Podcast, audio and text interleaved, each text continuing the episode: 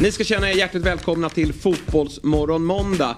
Där vi såklart pratar väldigt mycket om det tråkiga beskedet vi fick igår Robin om att Kurre Hamrin har lämnat oss. Visst är det så, men det är med värme vi gör det och vi ringer upp Thomas Nordahl från sitt fritidshus som berättar om sina minnen av Kurre och tar ner den italienska omgången. Ja, sen ringer vi till England för där befinner sig nämligen Alex Axén. Precis, befinner sig i England på konferens men vi går givetvis igenom eh, försäsongshelgen för våra allsvenska klubbar. Mm. Och på tal om England så har vi Jonas Olsson på besök igen och det var en häftig omgång Jonas.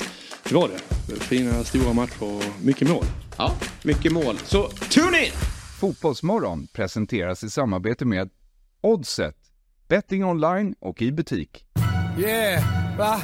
Woo! Va? Vad fan är det som händer? Va? Vad fan är det här alltså? Jag blir fan jävligt kär alltså. God morgon, god morgon, fotbollsmorgon. Det går liksom inte att sitta still. Upp och hoppa nu, vi gör det här en gång till. Det här är terapi och lösa kanoner på däck. Yes! God morgon på er, varmt välkomna ska ni vara till Fotbollsmorgon måndag avsnitt 411. Jag heter Jesper Hoffman och jag sitter här tillsammans med Fabian Ahlstrand och Robin Berglund. Och så här kommer ju våra måndagar att se ut nu. Kommande två månader eftersom David Fjell Sist satt vi och skojade om att det var Chelsea-sjukan. Ja. För ett år sedan. och det gäller ju fortfarande. Eh, Men i ärlighetens namn då så har han åkt till varmare breddgrader för då att spela in en ny säsong. En upplaga av Robinson. Just det tycker vi är viktigt att vi har honom på plats där så att vi säkerställer att det blir ett, en, en bra säsong.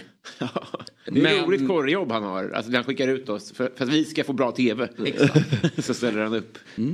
Men det blir väl bra Robin? Jag tror att eh, det finns inga tävlingshamrare som når upp till den nivån. Så då, Nej. eh, men- vi kommer ju klara det galant tror jag. Ja. Vi känner ju varandra väl. Jag menar det. Ja men det gör vi. Och du tycker väl det är okej att jag är här Fabbe? Ja, tills vidare i alla fall. Ja, och du är ju taggad. Du är ju med och ja, skissar lite på det här avsnittet. Och, och eh, är hjärnan bakom. Så att, eh, är det någon som har några klagomål på dagens avsnitt. Då vänder man ju sig till Fabian Ahlstrand. Precis. Hur har helgen varit? Ja, bra. Mycket fotboll har det varit. Både tv-tittande och uh, haft två träningsmatcher själv också. Så mycket fotboll. När gick du och la dig igår? Uh, nej men uh, ett tror jag. Tänkte jag vi började ta igen lite matcher. Uh, missade en del och det var ju så otroligt många bra matcher som man inte ville missa.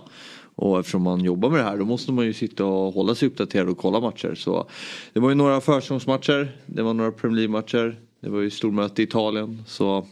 Går du och lägger ett? Nej men igår gjorde jag det. Ja, det är ju... Du och jag, vi har ju lite samma Men jag brukar inte göra det. sömnupplägg och lite stress ibland. När man lägger sig för sent och ska upp tidigt. Det är nog många som känner igen sig i det. Men jag skulle inte kunna gå och lägga mig ett. När jag vet att jag ska, när klockan ringer vid, i ditt fall fem då eftersom du är här tidigt. Då. Ja exakt. det, Nej, men det är om Sverige är i slutspel i VM. Då kanske jag... Alltså, om man ska upp och jobba dagen efter. ja. Osannolikt. Starkt av dig. Robin, du har inte kollat, eller du har säkert kollat fotboll också. men framförallt då så har det ju varit Melodifestivalen. Och där har man ju kunnat följa dig på X. Där du eh, levererar väldigt mycket roliga skämt löpande. Man behöver nästan inte kolla på det. Utan man kan bara eh, surfa in där och ta del av allt tramsigt som händer. Ja, så får det bli. Det är, jag har en väldigt kluven relation till eh, Mello. Det är ju så att ingen i mitt hushåll vill se Mello. Men min flickvän vill se mig twittra om Mello. Ah. Och jag, ja, så då får det bli så. Så då, det är en liten aktivitet vi har. Att hon kollar på min skärm. När jag kollar på en annan skärm som jag inte vill titta på. Var du så här stark i fjol också? Jag kommer inte ihåg det. Nej, det, det vågar jag inte lova. Och Jag vågar inte lova något nästa vecka heller. Nej. Men jag kom in i ett flow. Verkligen. Bam, bam, bam, bam, bam. Att du gjorde det. Vad, eh, vad säger vi om den, den första deltävlingen? Som man uttrycker sig va? Jag hade ju tänkt att titta på det här. Men jag räddades ju av att min son ville gå och lägga sig. Så jag slapp. Jag såg det faktiskt. Ja, det du Jag såg det, ja, ja, ja. Ja, vad, vad tar vi med oss? Nej men att eh, Samir och Viktor diskvalificeras efter typ två sekunder. Varför det? De tappade väl. Det var ju den stora återföreningen då. Samir efter, han har gjort karriär Nej, det stora var väl ändå A-Teens?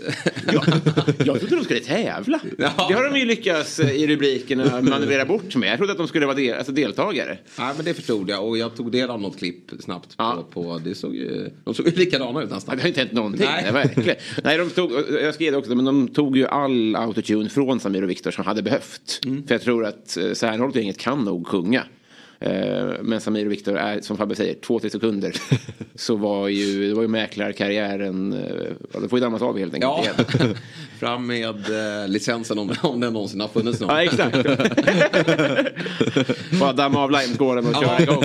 exakt. Ut till Bandhagen och riva av en etta här nu på söndag redan. Fyraårsring. Ja, verkligen. verkligen. Ja, men vem var bäst då? Nej, nu har jag glömt bort alla. Eh, Men vad heter de? Jag tyckte Lisa Ajax var nog bäst Ja. eh, show. Men det var lite, vad hette hon som var lik Sanna Nilsen? Det var väl mycket mest slager Ja, eh, kvaliteter kanske. Sen var det här trafikljusgänget, det är ju inte, det är, vad, gör de där? det är något rockband där. men de gick vidare. ja, de vann. alltså.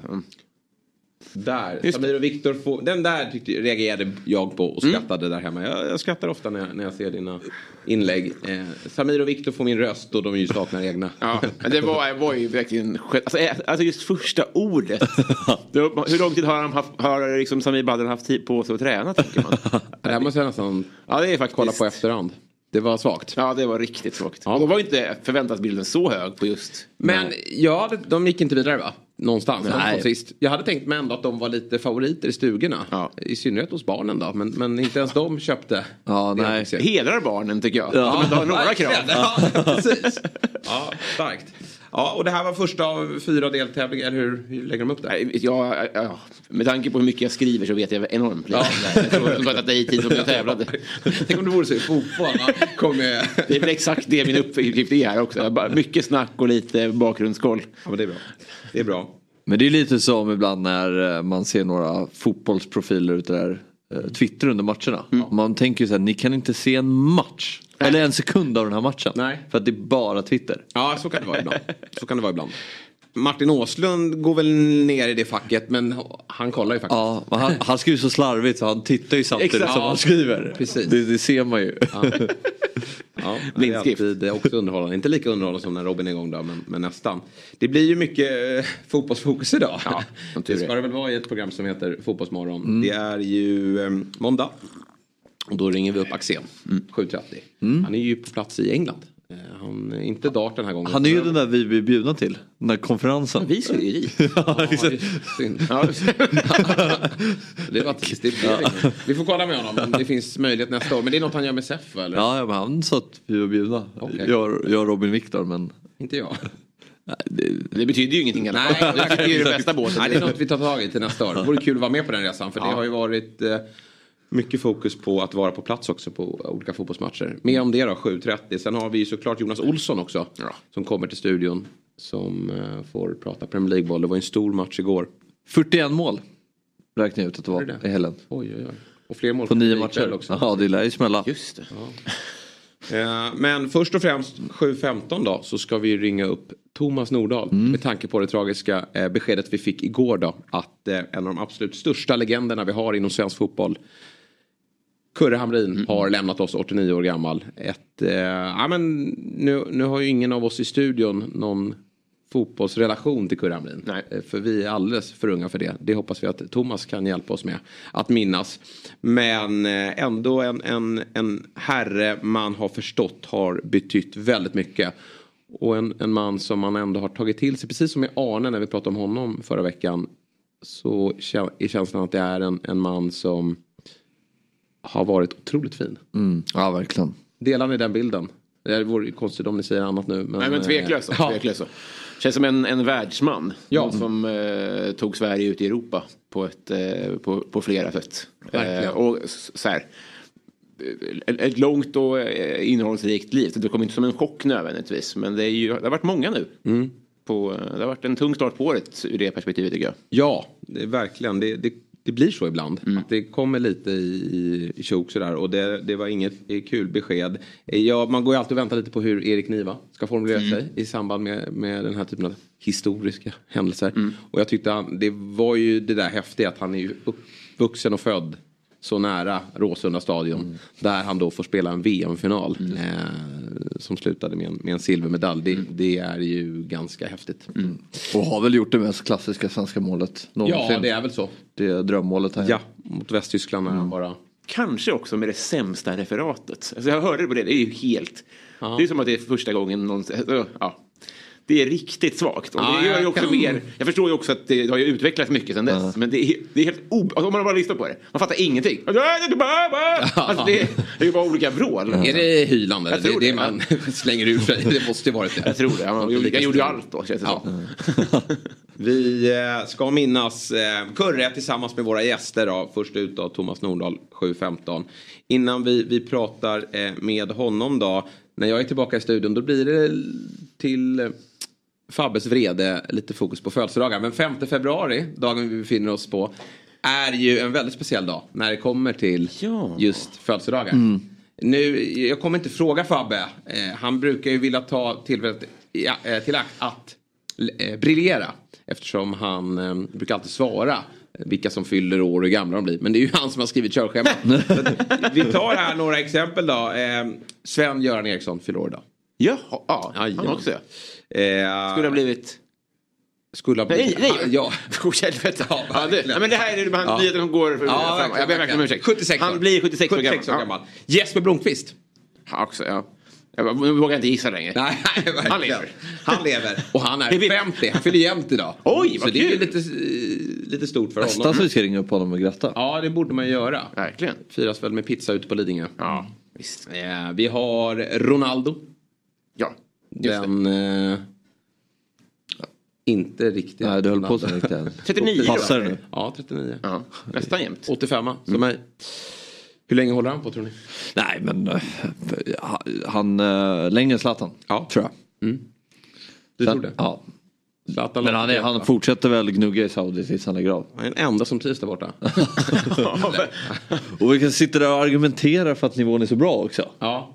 Men, de gick ju och tvålade dit, eh, inte Miami. Ja. Med 6-0. Det får man ju ändå säga satt, eh, det, det gav perspektiv tycker Ja. jag. Då vet man det. På något Verkligen. sätt. Och, och eh, Messi var inte med men det var ju inte Ronaldo heller. Nej. Så att eh, det är en nivåskillnad. Taliska trivs väl där också. Han, om man kollar i siffrorna så ser det alltid ut som att han gjort 13 mål per match. Typ. Men, Ja, men det är några som har tagit det där till sig och Ronaldo. Han är ju sådär. Är det någon som ska komma hem till, alls, komma hem, komma till allsvenskan då är det ju Ronaldo varje dag. Nej men alltså de andra hade ju tyckt det här var helt värdelöst. Men Ronaldo hade ju på, uh, Strandvallen. på Strandvallen. Eller? Efter fjärde målet tap-in. Han hade bara tap-ins. Ja. 37 tap-ins. Ja. Bara Eh, men tror, alltså, sen, sen har ju liksom gränsen luckrats upp för ifall man håller på längre eller inte. Alltså vad är Saudi? Är det fortfarande vagt? Så, lite så är det ju. Det är inte lika binärt. Men eh, skulle inte VM kunna vara hans sista? Det var ju det vi pratade lite om och då är det ju det här som alla nämner när man pratar Ja. Ronaldo och USA. Att han kommer väl inte in i det landet. Han får inte det. Nej. På grund av de här anklagelserna emot honom då. Så jag tror faktiskt inte att det går. Så det hör man Det ju. har jag aldrig fått bekräftat dock. Nej, det är alla som, nej, jag vet inte hur det är det där. Det får gärna någon Vuxen. vuxen ta tag i och, och leta rätt på hur, vad det är som gäller där. Men det sägs det ju alltid för det har ju spekulerats kring att Ronaldo när han varvar ner då ska gå till USA som Messi gjorde. Men det blev ju Saudi istället. Men det har, ju- det har ju motargumentet alltid varit att i det landet kan han inte kliva in i. Nej. Nej, det, det har varit väldigt spännande, spännande att Ja. få bekräftat. Neymar fyller 32. Ja. Nej, jag, Det är att de som har samma födelsedag. nej, jag tyckte det är sjukt att han... Det känns som han var 22 för två år sedan. Ja. Det har gått väldigt fort där Det har det tycker jag. Och där vet vi inte hur många fler matcher det blir i karriären. Sett till den skada han drog på sig och så som han ser ut nu när man Ja. får ta del av bilder. Nej. Ja, eh, TVs fyller åt, äh, 80, fyller 40. Rörigt. Vi halverar det. Eh, 40 bast TV. Ett år äldre än Ronaldo. Och la av för 16 år sedan. Det är ju också sjukt. Kan vi tipsa om eh, min lista som vi gjorde på Just lördagsprogrammet. Där TV City inne rankar de bästa niorna från Ja. 10-talet fram till idag. Precis. Eh, och där hittar kanske TV sin på någon plats. Det kan ju vara lite olika publik det där vardagsprogrammet, helgprogrammet. Men vi har ju faktiskt ett lördagsavsnitt som finns på podcast och även på YouTube att ta del av. Och där har Fabbe knopat ihop en lista då med de 20 bästa anfallarna, nummer 9 då. Från Säg forward. 10, forward. För alla är anfallare när man har bollen. fram till nu då. 2010 fram till nu. Och det är en lista som eh, berör. Men där du känns ganska rätt ute just nu då. Nu är det 10 gubbar kvar då. Som du ska presentera. Eh, Ja, precis. två kommande avsnitt. Ja, du har väl inte, jag har ju följt den här eh, med spänning. Jag- Jag upplever inte att du har slängt in några liksom, handgranater för att jävlas eller för att röra upp känslor. Utan den är ganska rationell den listan. Va? Mm, men nu, det är väl några, du får se när eh, allting är klart. Får Ja. man summera sen. Då kanske du tycker att det är några namn som ska in som fattas. Men Men vi är bara halvvägs ska sägas. det är bara halvvägs. Nu mina herrar har blivit dags att koppla in hörlurarna och tala med vår första gäst. En speciell sådan får man säga då. Igår då, eh, så nåddes vi av det tråkiga beskedet att Kurt Hamrin lämnade oss 89 år gammal. VM-silver, Europacupmästare, Scudetto-vinnare, Serie A's nionde bästa målskytt genom tiderna. Fiorentinas främsta eh, någonsin då. Och den senaste AIK-spelaren som vunnit skytteligan. Typ den enda, eh, ska sägas. En fotbollslegendar i ordets rätta bemärkelse. Och med oss för att minnas eh, Kurt då, har vi Italienkännaren och den före detta fotbollsspelaren, son till Gunnar, Thomas Nordahl. God morgon Thomas, hör du oss? Jag hör er, god morgon. God morgon, hur står allt till? Ja, jag sitter här i Bergslagen, i vår fritidshus och tittar upp här när solen snart ska gå upp. Ja, vad, det låter ju trevligt. Nu, nu ser vi inte dig. Vi ser eh, att du sitter i något form av fritidshus. Eh, det vore trevligt om du kunde ratta in kameran så att vi får ta del av dig. Där har vi dig. Där har vi dig. Där, alldeles utmärkt. Så kul att se dig. Oj, det där ser trevligt ut. Ja, Men du, eh, Thomas, vi ringer dig med anledning av det tråkiga beskedet som vi fick igår då, eh, att Kurre, 89 år gammal, lämnade oss under eh, söndagen. Först och främst, hur, eh, hur, när fick du beskedet och, och beskriv vad, vad, vad du kände när du tog del av det? ja, jag visste att han var sjuk alltså, men, men beskedet fick jag som, i stort sett som alla andra. Jag, jag fick ett sms från Nisse Lidholms. Eh, jag hörde ju naturligtvis eh, på, på, jag fick det på nätet och sedan ringde eh, Nisse Lidholms son Carlo från Italien och, och talade om att eh, Kurt var borta. Mm. Hur såg din, din relation ut till Kurt? Ja, relationen var väl den att vi har genom pappa och mamma då, och, och Kurt, han kom ju till Italien som väldigt ung på, på 50-talet och ja, svenskarna där nere träffades väl lite grann när vi har lite svenska högtider. Jul och såna här, jul och påsk och såna här saker och, och eh, jag var ju med där som liten knatte och, och, se, och senare när jag blev spelare själv så hade jag ju tillfällena att eh, ja, att träffa honom i olika sammanhang och eh, framförallt på de sista, vad ska man säga, på 20-talet här eh, när jag jobbade på TV3 så gjorde vi ju många reportageresor i Italien i den här serien Don Tommaso och eh, då var vi och besökte Curry flera gånger och, och eh, han var ju alltid väldigt tillmötesgående liksom hans fru Marianne. Mm. Mm. Hur, hur skulle du vilja beskriva honom som, utanför planen om vi börjar med det? Hur, hur var han som, som människa? Ja, det var ju en gentleman. Det var ju mycket uppskattad i Florens. Eh, de säger... Då, jag läste en tidning här, en tidningsrubrik från Italien här på gårdagskvällen att eh, han var ingen svensk i Italien utan han, han var en, en toskanare, sa de. Han, från Florens. Han var en toskanare. Han hade ju bott i Florens och, och det är klart, blir man kvar i Italien så och, och har den samhörigheten med, med klubben så blir man ju väldigt uppskattad och, och han var ju en legend. Han är ju en av Fiorentinas största spelare genom tiderna kan man säga. Det är han, Battistuta, Antonioni och, finns några också längre bak. Mm. Ja, det, det är ju onekligen stora namn du nämner. Och ett annat stort namn då, det var ju din, din pappa eh, Gunnar Nordahl. Hur, hur såg, det skilde ju 13 år mellan, mellan Gunnar och, och Kurre. Hur, hur, skulle du beskriva deras eh, relation? Nej, de spelade ju mot varandra på 50-talet där så, så Kurre kom ju ner som väldigt ung och, och det, det, är klart det var många av de unga spelarna som kom ner då som eh, ringde upp både pappa Nils och Gren och det och bad att få lite hjälp i början, lite vägledning hur man skulle hantera saker och ting. Så att eh, de, svenskarna höll ihop lite grann eh, när de var där nere. Så att eh, sedan bestod ju vänskapen ja, livet ut kan man säga. Kurre, Kurre var ju och besökte oss när vi bodde i Degerfors några gånger med Marianne och jag har ju varit nere hos honom i, i Florens många gånger så att eh, vi kan väl säga som så att vi var väl inte släkt och inte jättenära bekanta men, men hade en bra relation ändå. För oss som är lite för unga då för att äh, ha kunnat se honom som fotbollsspelare. Sen har det ju vevats äh, otroliga klipp från, från mål han har gjort och framförallt då VM-turneringen 58 här i, i Stockholm. Men, men hur skulle du beskriva honom som, som fotbollsspelare? Vad gjorde honom så otroligt bra? Ja, de kallar ju honom Lucellino Vola i Italien, vilket betyder den lilla fågeln som flyger fram. Han, han var ju väldigt eh, opportunistisk som jag säger. Han, han, han trocklade sig fram. Det var inga sådana här rena stilrena dribblingar utan han trocklade sig fram och, och var oerhört giftig innanför straffområdet. Stod alltid på rätt ställe och gjorde det som är väldigt viktigt i fotboll. Han gjorde avgörande mål för sina lag. Mm. Det, han gjorde alltså inte mål när man ledde med 4 och 5-0 och sånt där utan han gjorde avgörande mål. Det, och det, det, det uppskattades otroligt mycket och han hade ju, när alla egentligen trodde att han var på nedgång, så gick han ju till Milan och där fick han väl sina största klubbframgångar egentligen. Han blev ju både cupvinnare, cupmästare och Champions League-mästare och italiensk mästare i Milan under de två år som han var där.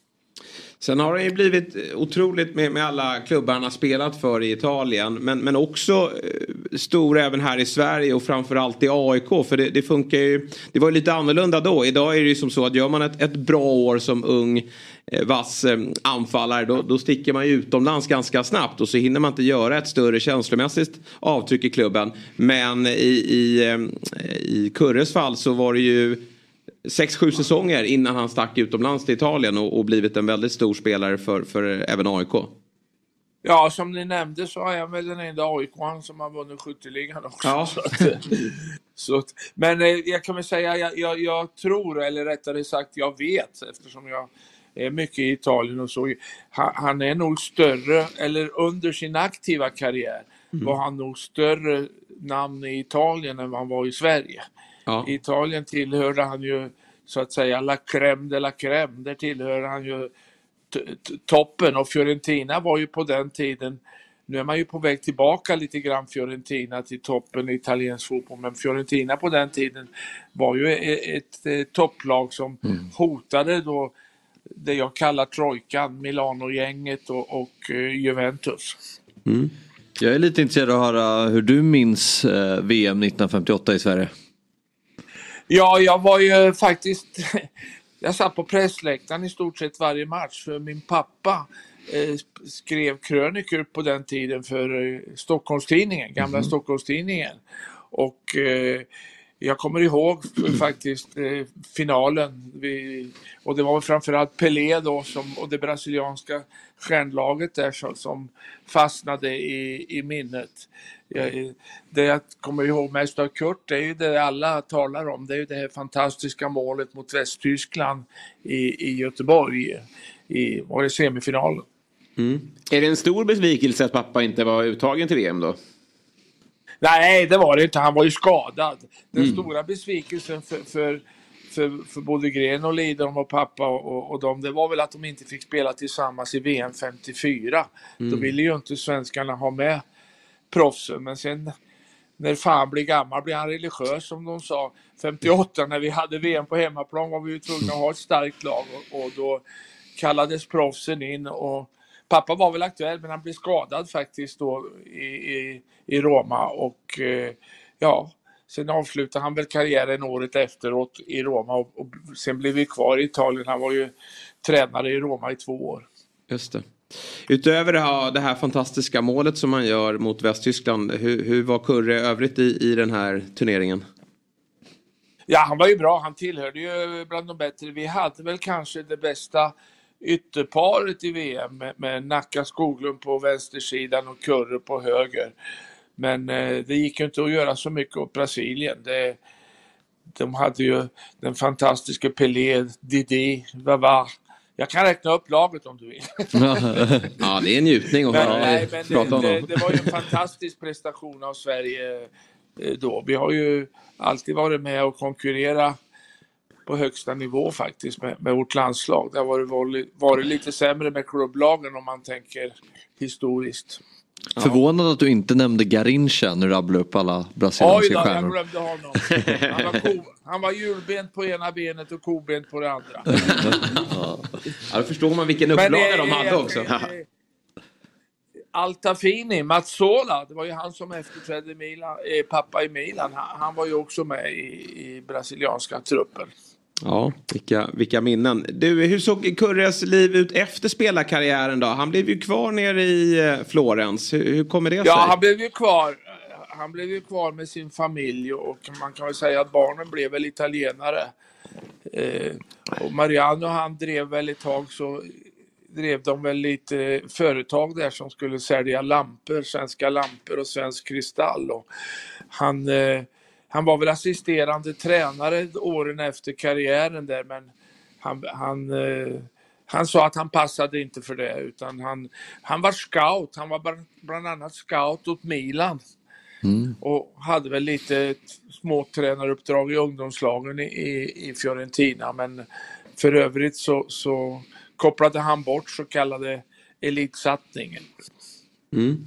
Ja, fantastiskt fint eh, Thomas att få minnas eh, tillbaka eh, kring eh, Kurres karriär. Men, men hur ser ditt... Eh, eh, jag förstår att intresset är stort, men hur följer du fotbollen idag? Är det fortfarande eh, Serie A som är nummer ett?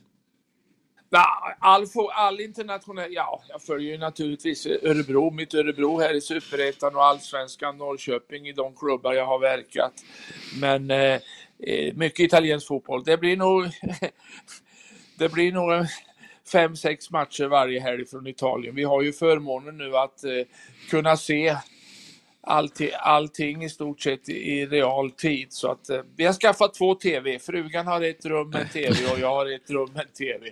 Ja, det så, låter som ett drömupplägg. Igår var det, igår var det faktiskt eh, tre matcher om jag ska vara ärlig. Det, jag låter väldigt nördig men, men det är en passion jag har det här. Jag ja. menar, fotbollen och Italien har ju gett mig allt. Så jag såg två kanonmatcher igår. Jag såg Atalanta mot Lazio och så såg jag den stora Inter mot Juventus. Så, ja. att, eh, så är det. Och så sen avslutar jag kvällen med La Domenica Sportiva för jag har italiensk tv här också. Fantastiskt. Men då kan vi väl stanna vid vid den sista matchen där då. Derby d'Italia, Inter mot Juventus. Ja. 1-0 då till ja. hemmalaget Inter. Ja. Och då blir det ju den raka frågan, vinner Inter scudetto nu? Ja, alltså det är ju bäddat för dem nu. Det är ju, smörgåsbordet ligger väl framme.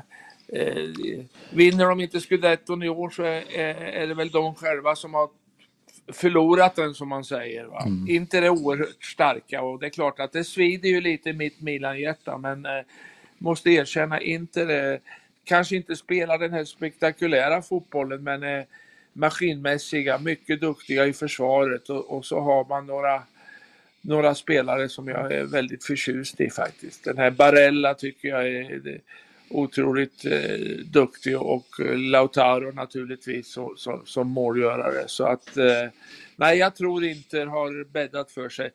Eh, stora chansen hade väl Juventus igår men föll på ett självmål.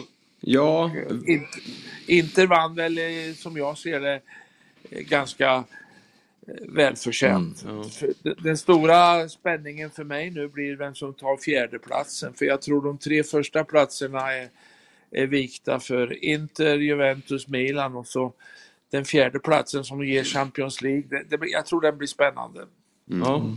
Du är också Fabbe väldigt imponerad av Inter. Juventus hade ju ett läge där i första halvlek. Vlahovic får ju ett superläge mm. men, men lyckas inte få ordning på, på bollen. Vad, vad säger du om matchen. Du håller, men- håller inte, det, inte högt. Ja, nej men det känns som att om Inter tar ledningen i en fotbollsmatch så kan man spela en, eh, flera fotbollsmatcher innan de släpper in ett mål. Så otroligt ramstarka och jag är väldigt imponerad över Simone Inzaghi. eh, hur han levererar de här resultaten med Inter. Eh, Hur han byggde vidare på kontot. Ja, ja och eh, med Champions League-final i fjol Ja. och, och nu går man mot en scudetto. Så. man, man, man kan väl konstatera också att eh, turen är lite på Inters sida här, lite små alla omständigheter här. Milan missade två straffar senast.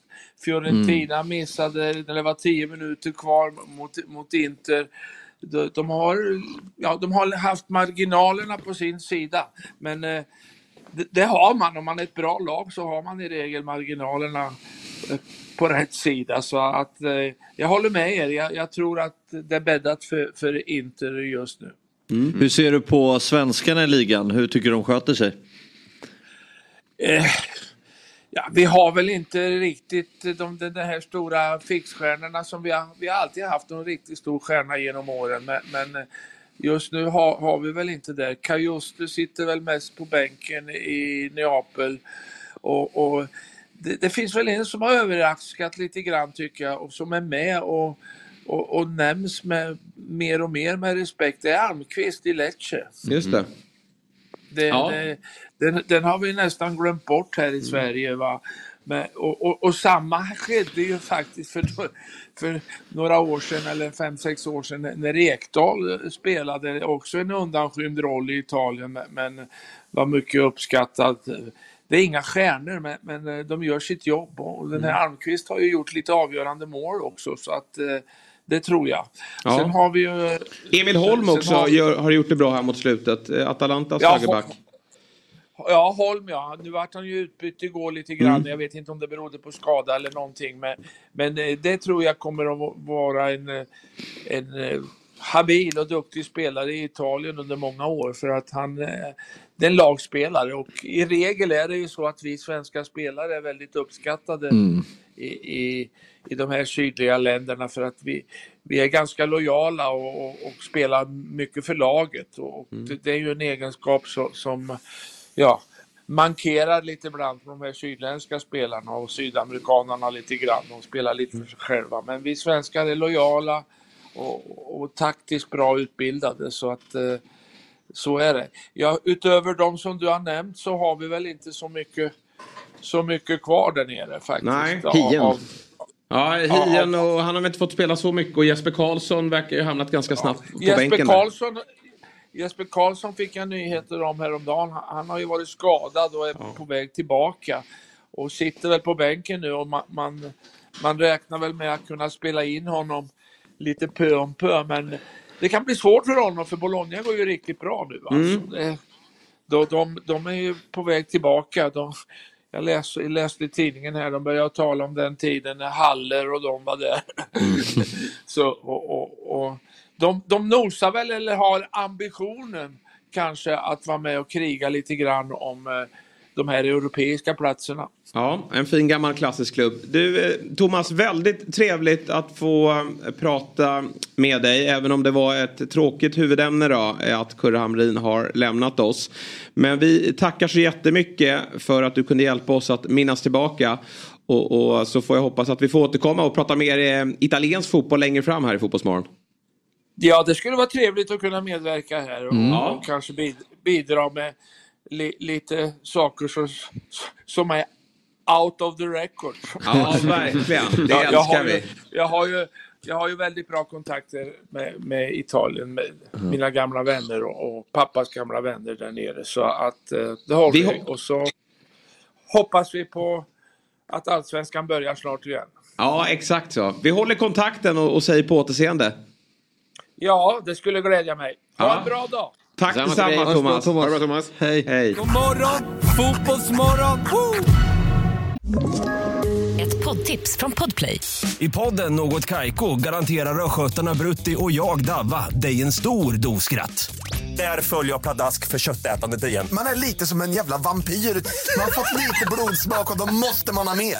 Udda spaningar, fängslande anekdoter och en och annan arg rant. Jag måste ha mitt kaffe på morgonen för annars är jag ingen trevlig människa. Då är du ingen trevlig människa, punkt. Något Kaiko, hör du på Podplay. Därför är gardinerna. God morgon, fotbollsmorgon! Woo! Ja, den där härliga eh, ljuva stämman som jag lärde känna. Ni är nog faktiskt för unga för det säger jag. Men jag kollade mycket Uno Cruz Due.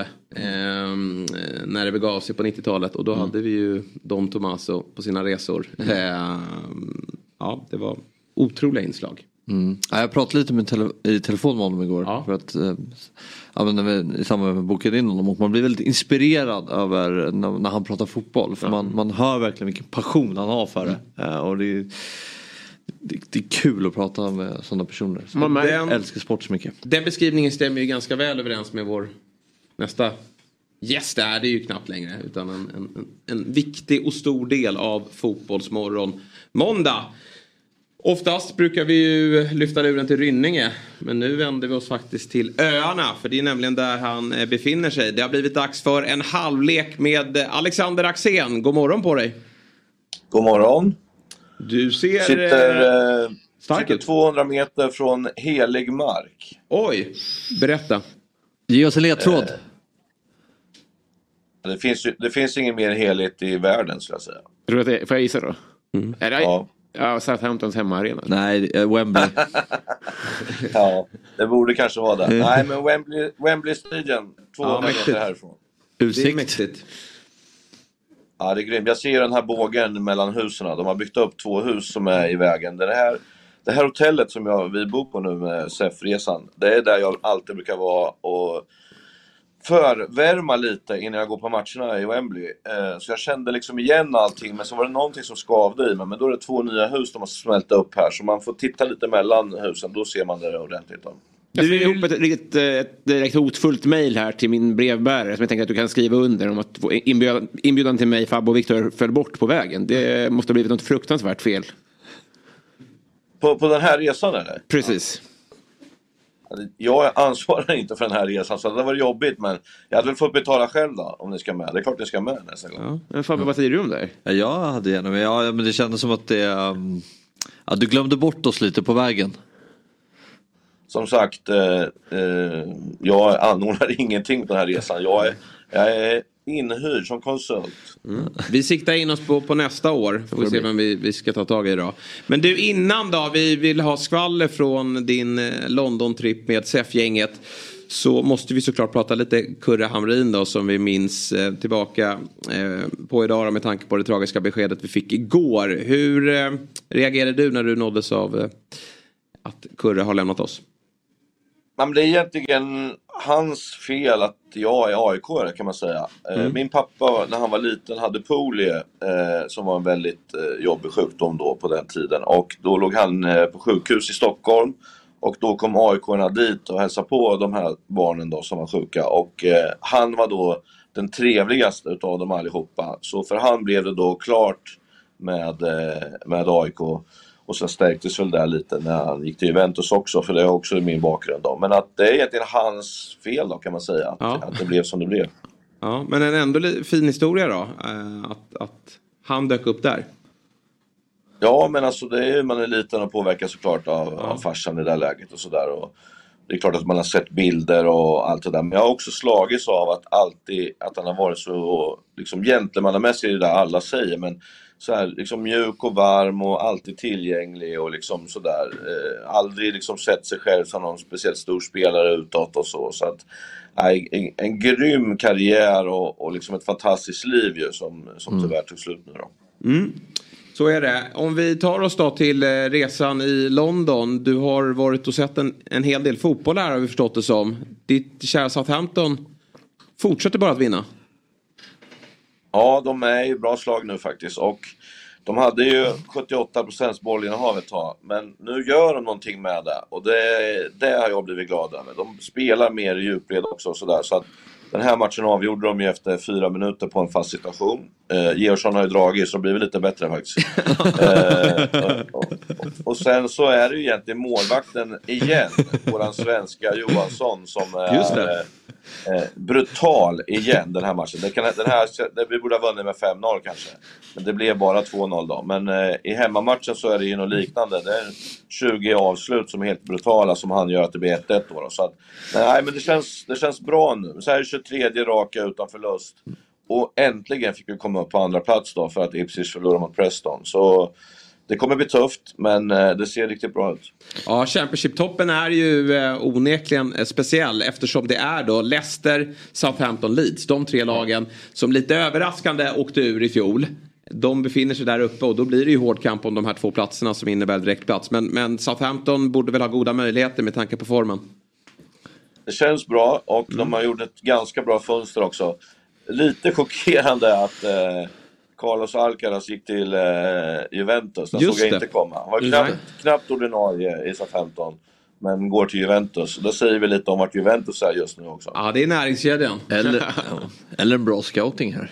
Ja, alltså jag såg honom lite grann i Premier League i fjol. Han fick ju några inhopp och, och såg ju spektakulär ut. Men jag har också sett att han har inte tagit någon ordinarie tröja. Och gör man inte det i Championship då, ja, då kan det väl inte vara världsklass direkt. Han gör ett piggt inhopp igår ändå, liksom, men att eh, ja, det, det var förvånande. Så mycket kan jag säga. Och sen blev jag så jävla trött nu när jag lyssnade på morgonen när Fabbe började prata om att det flög över era huvuden Robin och, och eh, Det är bra att du är på och dig hugget. där att, Ja, men du vet, alla är anfallare när man har bollen. Du hör ju sån här jävla... Ja. Vi hör ju det varje dag här på kontoret så vi reagerar ju inte längre. Men vad, vad kände du när du hörde det då? Nej, men jag blir vansinnig. Alltså. Vad är det för snack? Liksom? Alltså, allvarligt talat. Ja, men du vet, det är som eh, när vi hade i Örebro när de tog över efter mig så var alla fotbollstränare men med målvaktsansvar, med fys... Ja, men vad fan. Snälla, sluta Jag- jag- krångla. Säg som det är istället. Vad fan. Jag, jag, vill, eh, jag vet vilka tr- knappar jag ska trycka på för att få igång er. Fast det pratar du ganska ofta om och eh, varje helg så får jag en ny formation som du har snöat in dig på. Nu i helgen var det 5-3-2 som du känner att du vill jobba med. Ska du inte bara hitta en modell och jobba efter den? Nej, men det var kul, kul att se när man ser de bästa jobba i, de formationerna. Ehm, ja. Det känns som att all, alla sådana typer av, av svar är bara ett sätt för fotbollstränare att slippa frågor. Det är verkligen såhär, nej vi är, vi är medborgare. Jo men jag, jag skulle vilja svara på min fråga om anfall här nu. Och bredda diskussioner hela tiden. Ja, Ja. Ja, men vad, vad är det, vad är det liksom, när man tar ut laget, det är inte så att man säger så här, hur spelar vi idag? När vi har bollen är alla anfallare. Och när vi, eh, eh, aha, men ska vi inte ha några positioner så här? Nej, när vi försvarar, då är alla försvarare. Okej, och så blir det skolgårdsfotboll. Är det så man vill ha det då eller? Alla ska ha handskar på sig och keps. Ja. Ja. Det är så konstigt. Det är så kon- Lägg ner det där. Det Ja, han, har ingen svar, han har ingen svar på det. Men han, Fabbe famlar vidare. Men jag bara, måste bara fråga, vad, berätta lite nu om konferensen här. Vad, vad gör ni och vad är din roll i konferensen? Eh, Det är femte året jag är med. Vi har varit i eh, Madrid, Milano, eh, Amsterdam och Berlin. Och nu var vi då i London. Och då är det Svensk Elitfotboll som eh, bjuder med några från fotbollsförbundet. Eh, Alla 32 klubbar är inbjudna. Alla kommer inte. Jag tror att det är 20 klubbar i år. Med deras huvudsponsorer, deras huvudpartner kan man säga. Så att vi är 140 personer här just nu. Eh, och då har man då eh, olika föreläsningar och genomgångar och dragningar på olika saker. Så att eh, det är ett späckat program och sen så ja, då avslutas alltid med att man, eller avslut, men att man går på fotboll. Och då är mitt eh, uppdrag att prata upp fotbollen i det landet vi är i och sen specifikt den matchen vi ska titta på. Och sen så brukar det bli lite avslutande frågor om Superettan och Allsvenskan som jag svarar på. Vad är den stora snackisen på resan då? Vad, vad surrar ni om i pauserna?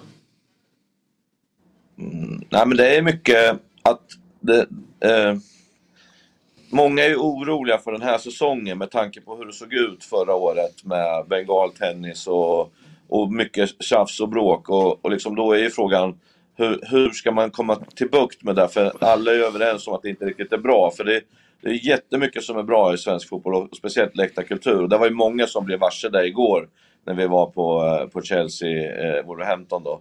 Eh, att eh, ja, hur, hur når vi varandra? För att det måste ske genom eh, eh, samarbete. Det går liksom inte med några villkorstrappor eller massa krav och sådär. Utan det måste, man måste hitta supporterna i det här. Och att de eh, går samman och lägger ner just det här bengaler och alltså kastandet och eh, eh, bangers och då, då, ja, det här som vi hade fått bort ett tag liksom. Mm. Eh, så, så det är väl egentligen det som är, man, man är liksom lite, lite försiktigt lite rädda för vad det här kommer bli samtidigt som man har mycket saker som är bra i svensk fotboll som, som plussas och, och det är många som tittar och rekord och det är många som vill vara med och sådär. Så, så är det just de där bitarna och det där är ju ett, ett ämne som aldrig riktigt tar slut kan man säga. Ja, nej det är ju bara att skriva under på att det måste ju upphöra. Att det kastas pyroteknik mellan läktare och gör det inte det så, så har vi ju bara en läktare allt som är hemma supportrar. Ja. Så, så kommer det ju oundvikligen att bli. Ja, man får du- bestämma sig liksom. Ja. Det är det. Det tror jag är bra. Du, eh, Southampton, hade de i, rådande form slagit Chelsea? Absolut. Mm. Nej, men vad, Utan tvekan. Ni var ju på plats igår, jag såg den här matchen också. Det är ett sånt katastrofalt fotbollslag Chelsea att det, det, jag saknar ord faktiskt för hur usla de är. Vad, vad, vad säger du själv? Alltså, Pochettino slog ju igenom i SA-15 kan man Mm. säga då. Eh, Han var ju gammal spelare från Espanyol, men han började träna SA-15. Och det är ju fler saker än Titanic som inte skulle ha lämnat SA-15 kan man säga, men det är en annan sak. Eh, eh, han, eh, han var ju väldigt tydlig i sin spelidé och hur man ska göra och sådana här saker. Och eh, det, det har ju försvunnit tycker jag. Alltså, han, jag tyckte ändå att han var framgångsrik i Tottenham, man får ju säga vad man vill, men jag tycker att det ändå var ganska framgångsrik där. Ja, men det är väl ingen Paris. som hävdar något annat eller? Han var ju fantastisk i Tottenham. Ja, det vart inte så mycket vinster och det är det som är hans stora problem. ju. Alltså, han, pokaler ändå. Fantastisk. Då vet jag inte om han hade vunnit en pokal, vad hade han varit då liksom? Ja, men lite så faktiskt. Ja men Han den är ju ganska säsongen bra de... spelare också. Men, men, Men den säsongen de slutar tvåa i ligan och tar, tar Tottenham till Champions League-final. Kan man begära så mycket Det är jättebra, men det är inte Det är bra. fantastiskt. Ja, okej. Inte fantastiskt, jag håller Ja. helt med Axel. Ja det är klart det är det. Ja, men det är... Ja, men hade, du, så, hade du varit att utanför, hade du och jag varit. Nej men hade det varit bara du och jag hade sagt att han var fantastisk i Tottenham. Skämtar du eller? Men, Jag- jag- men om du pratar med Lasse Granqvist och Tommy Åström om ordet fantastiskt, då har du eh, fyra timmar framför dig. För vad, vad är efter det? Vad är efter fantastiskt? Så jag har fått börja tänka efter det. Nej, men han gjorde ju bra där och allt det där. Men Eh, så går han ju då till Paris och där är det lite mer så här, som det ser ut idag tycker jag då i, i, i Chelsea. Att lite individuell skicklighet, lös det här så får vi se vad som händer typ. Och eh, det är inget lag längre. Det är tio öar som springer omkring där ute. Ingen timing, man missar passningar på kort avstånd, ingen tar liksom, ingen tar ledarrollen, ingen liksom går i bräschen och ja, jag, eh, jag är, jag är, liksom på riktigt så förundrad att han låter det vara så här och han ser inte engagerad ut tycker jag på bänken utan bara Nej. trött liksom. Och, Mm. ja, det är förvånande tycker jag liksom. Och så tycker jag att många tränare har sett ut. De har ju bytt en del. Men, men framförallt då nu senast här då, så kändes ju Potter lite så också. Att man någonstans förstår hur rörigt det är i klubben. Att det, det, går, det går inte att få någon ordning på det här laget. Så att jag, jag, jag sitter här och, och egentligen inte kan påverka någonting. Nej men de har fått ärvt mycket, alltså när det blir mycket tränarrokader så kommer det oftast mycket spelare in som andra tränare gillar då så att säga. Så det är ett stort problem att om du kommer in som tränare tre, då kan vi lugnt säga att det är tio spelare som inte är dina om jag säger så. Det kommer det inte vara alltid ändå. Men, men, men som är gjorda för, för liksom kanske 5-5 från olika. Och då spelar den ena possession, andra fort eller den ena vill göra si och så. Det, det sitter inte ihop och, och jag tror att det är frustrerande.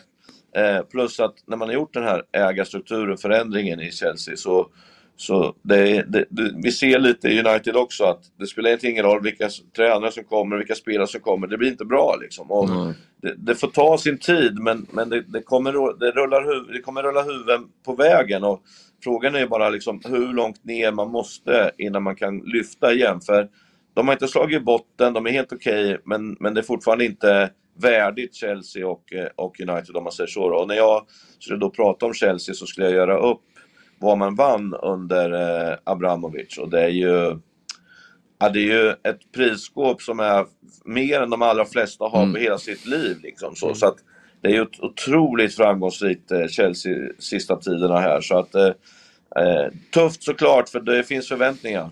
Alltså det är ju lätt att stirra sig blind på de summorna de har lagt på spelare. Men tittar man på vad de faktiskt har värvat nej. så är det ju för dåliga spelare. Absolut. Och då reagerar man ju när man sen då ser summorna. Att Ja, lagt så ja, mycket och- pengar och och, fått in den skiten. starten, ja. Ja, det är ju inte bra. Sen är det ju ett uttalat långsiktigt projekt. Men det, inte, finns det utrymme Ja, men för det- det i världsfotbollen att så här, ge oss sju år? Ja. Ja, men, och hur många av de här spelarna i den här elvan kommer ta kliv då under de här åren att de blir ett världsklasslag? Jag har ju väldigt svårt att se Ja, kanske någon enstaka. Ja, Enzo. Eh, Enzo och Palmer är ju är bra, men, men övriga, det, det är ju spelare som ska vara där de befinner sig nu, nämligen i mittenlag. Ja, men han som kommer in med tatuering på halsen och ljusa håret. Ja, Eh, muddrig. Han hade ju...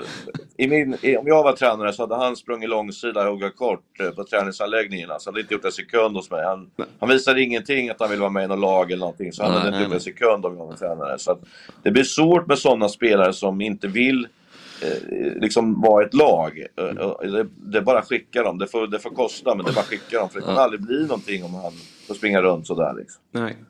Nej, Sen var det lite kul för eh, Fredrik Reinfeldt och eh, även våran generalsekreterare eh, Mö- Möllenberg var ju här och eh, Ja. det var lite kritik eh, för var- varför har vi ingen landslagsledning och, eh, och då hamnar ju såklart det här fram att man hade eh, ringt till, att man inte hade ringt till Mourinho att det var ett litet skämt sådär typ. Fast jag sa ju att det riktigt roliga skämtet var ju att man ringde till Graham Potter.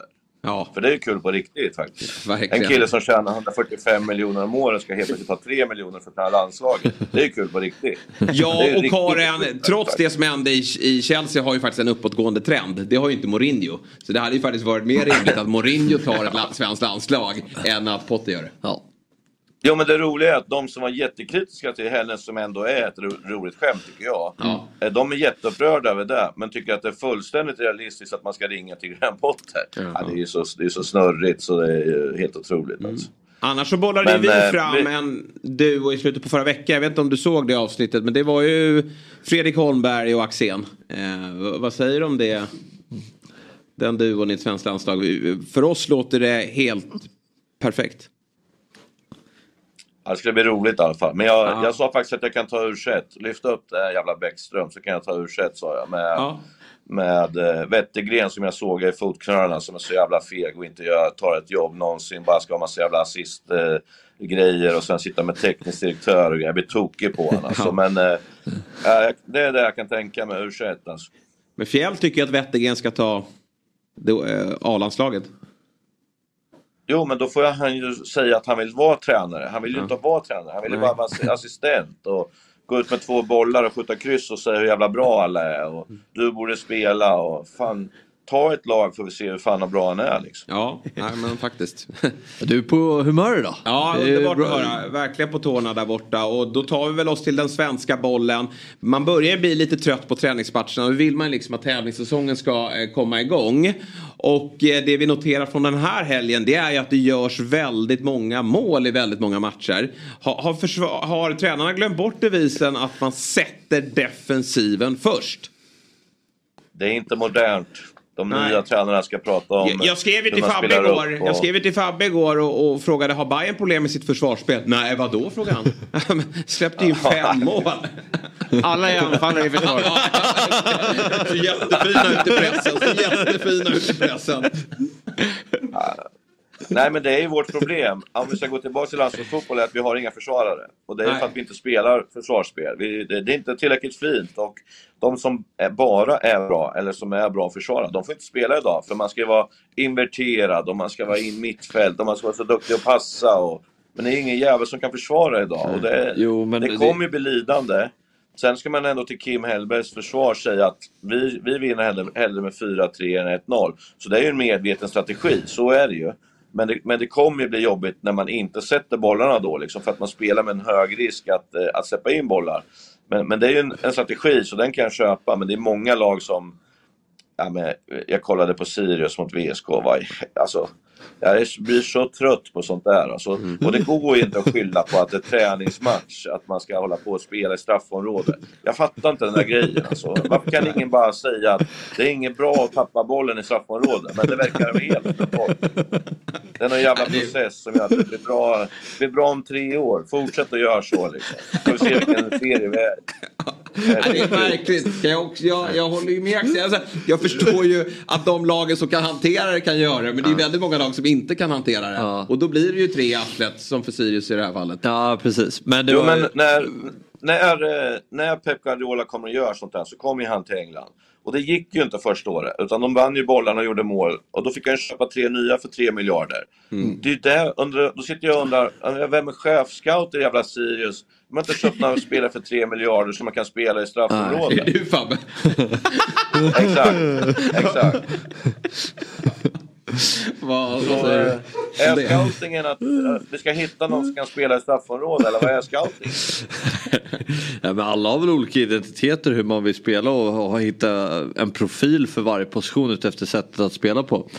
Ehm, jag tänkte på det, bara om vi bara återkommer till Bayerns match. Ja. Sarpsborg gjorde ett mål som inte ens gick i mål. Alltså, de sköt ut bollen utanför. Så det var domaren mål. Eller om det var hål i nätet. För det var väldigt märkligt. Nej, gå Nu har du fel Fabbe. Nu har du fel. Det var Igen. mål.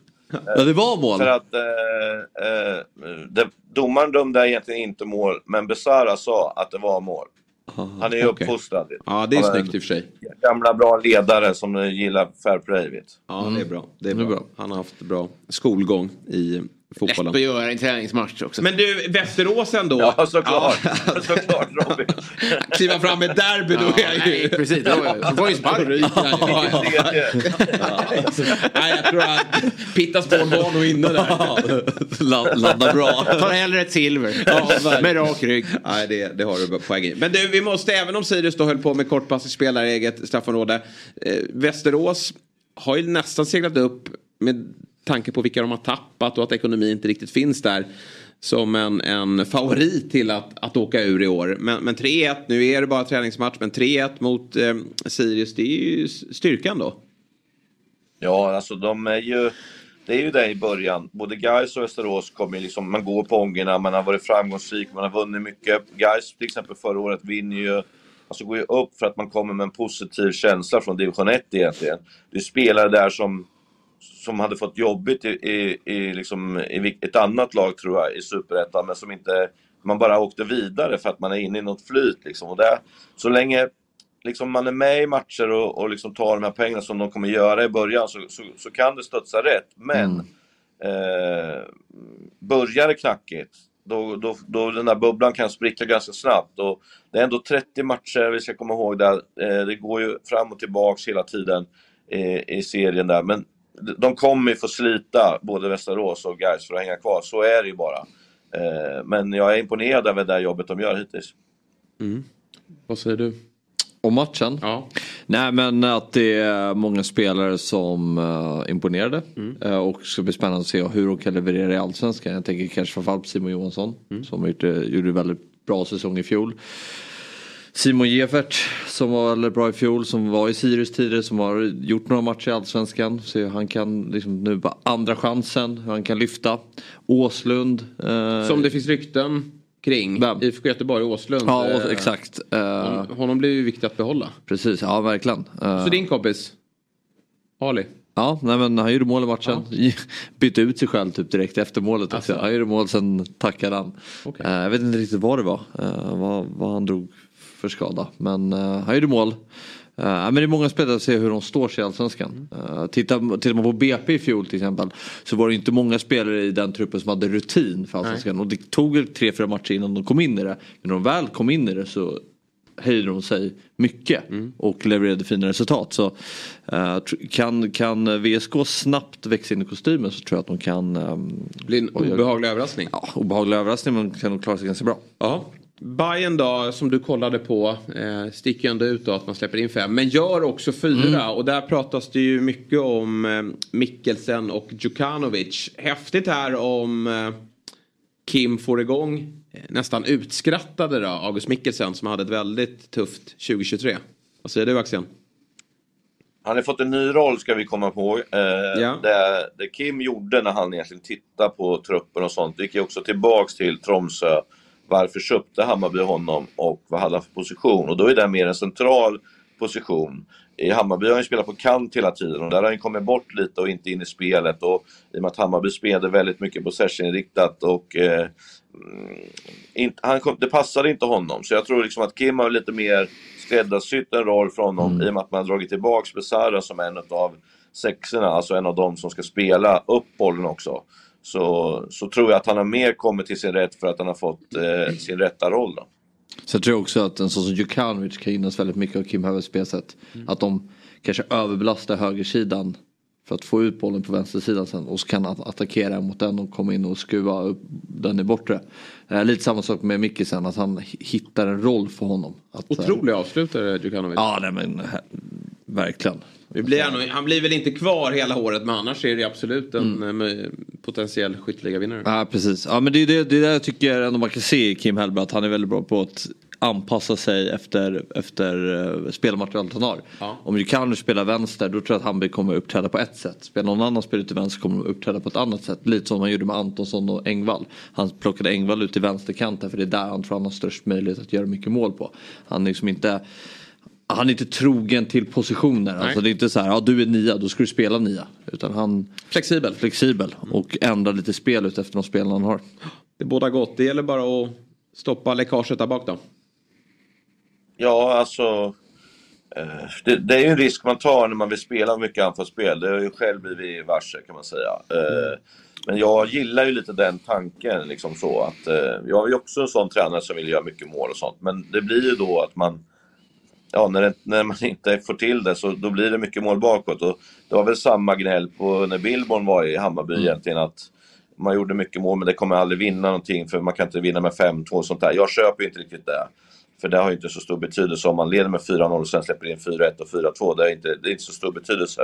Men det är ju att man också ska kunna stänga ner ibland. Och det är ju svårare när man är, när man är liksom, vad ska man säga, offensivt tänkt från början. Så det är svårt att ställa om det. Alltså det var ju inte, var, var ju inte så i Värnamo till exempel. Så jag tror han kommer få ordning på det. Där, där var det ju väldigt mycket kontroll. Jag tror inte han ändrat Men han gjorde allting. inte mycket mål då heller. Nej det är Han sant. gjorde inte mycket nej, mål. nej. Det- Det sitter ju nästan alltid ihop att gör du mycket mål släpper du oftast in också. Eh, och gör du lite mål eh, så släpper du in lite mål. Det liksom sitter ju ihop, det blir något naturligt på något sätt. Så att, eh, där, där liksom I Värnamo tror jag att han fick liksom tänka på ett annat sätt. Här kommer Mm. han släppa loss tror jag istället. Ja. Liksom. Så att, vi, vi kommer få se mycket målrika matcher med Hammarby, det är jag helt övertygad om. Mm. Det betyder inte att det är dåligt. Ett lag som också har släppt in en del mål här på försäsongen men också gjort framåt det är Elfsborg. En annan 4-5 match då.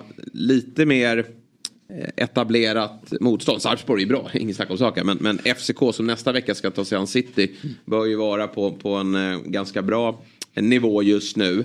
Och där eh, konstaterar vi lite av en skräckstart va, för målvakten Isak Pettersson. Du har ju Mm. varit lite orolig där när de har tappat Valdemarsson till Brentford. Pettersson som inte har stått så mycket de senaste åren. Han har de senaste fyra matcherna släppt in tio mål. Ja men det är lite så här att jag tycker Elfsborg tidigare hade problem att försvara egen box. Sen kom det en islänning och kunde plocka allting. Nu är han borta. Eh, Och kommer Elfsborg fortfarande kommer ha problem med att försvara egna boxen kommer, kommer man kunna ha den tryggheten längst bak. Det här säger jag inte för att Isak Pettersson är dålig. Han har jättemånga egenskaper men eh, Valdimarsson var ju överjävlig i boxen. Han plockade ju allt. Och det, det tror jag kan bli tufft, tungt att ersätta för, för Elfsborgs del. Håller du med? Fram, framförallt så är det ju, det som man tycker är jobbigt som tränare, det är ju när man har två målvaktstyper som är helt olika. Mm. Som du säger, just inläggsbiten, du behöver bara gå in i kroppen, man vet att den andra kommer. Och så har du Isak Pettersson som inte lämnar sin, eh, sin eh, målområde, alltså mållinjen överhuvudtaget för att han är en reflexmålvakt. Det gör att det, det, kommer, det är en jätteomställning för försvarsspelet i Elfsborg. Och det här kommer ta tid. Och frågan är ju om man kanske till och med börja titta på att gå på en målvakt som är mycket aktivare för att eh, det, kommer, det kommer försvåra för Elfsborg för att eh, Rönning, eh, när han var, eh, så, fast han var hur stor som helst så kom inte han ut med pondus. Och det var mycket konstiga mål man släppte in på den tiden. Sen kommer då Valdemarsson och tar allting. Och då direkt blir det mycket, mycket bättre. Mm. Och nu så har det en målvakt som aldrig går ut på inlägg. Aldrig, aldrig, aldrig. Eh, jag, jag tror att man måste titta på en med pondus faktiskt. Mm. Elfsborg har ju tappat, utöver Valdemarsson, en, ett par andra spelare. Jag tänker på Bernhardsson och Ockels här. Det är, blir inte helt lätt att ersätta. Nej precis så de plockade ju tillbaka Simon Hedlund i, i somras. Och det gäller ju för honom att steppa upp i den här säsongen. Alldeles strax så ska ju Fabbe lista fem spelare som man tror kan få, eller jag vet inte om det blir genombrott, men fem utropstecken inför säsongen. Ska du spekulera kring. Ja, eh, som jag kanske hoppas också lite. Ehm, och det kanske är spelare som inte har stått i rampljuset tidigare. Eh, vissa kanske har gjort det bra. Eh, andra har, har inte spelat en minut i Allsvenskan. Så, så valt lite... ehm, Vi tar det alldeles strax så ska Axén få studsa på det. Men först lite silly season då. Där vi noterar att MFF har hittat sin nia. Som ska vara med och konkurrera med Isak Kiese Thelin. Nämligen då Erik eh, Botheim. Från Salernitana. Tidigare Krasnodar och framförallt då Bodø-Glimt. Där han ju var eh, väldigt, väldigt bra. Eh, det här är en kittlande värvning känner jag. Ja, de fortsätter använda sina pengar på ett Ja. bra sätt. Eh, det här kommer bli jättebra såklart.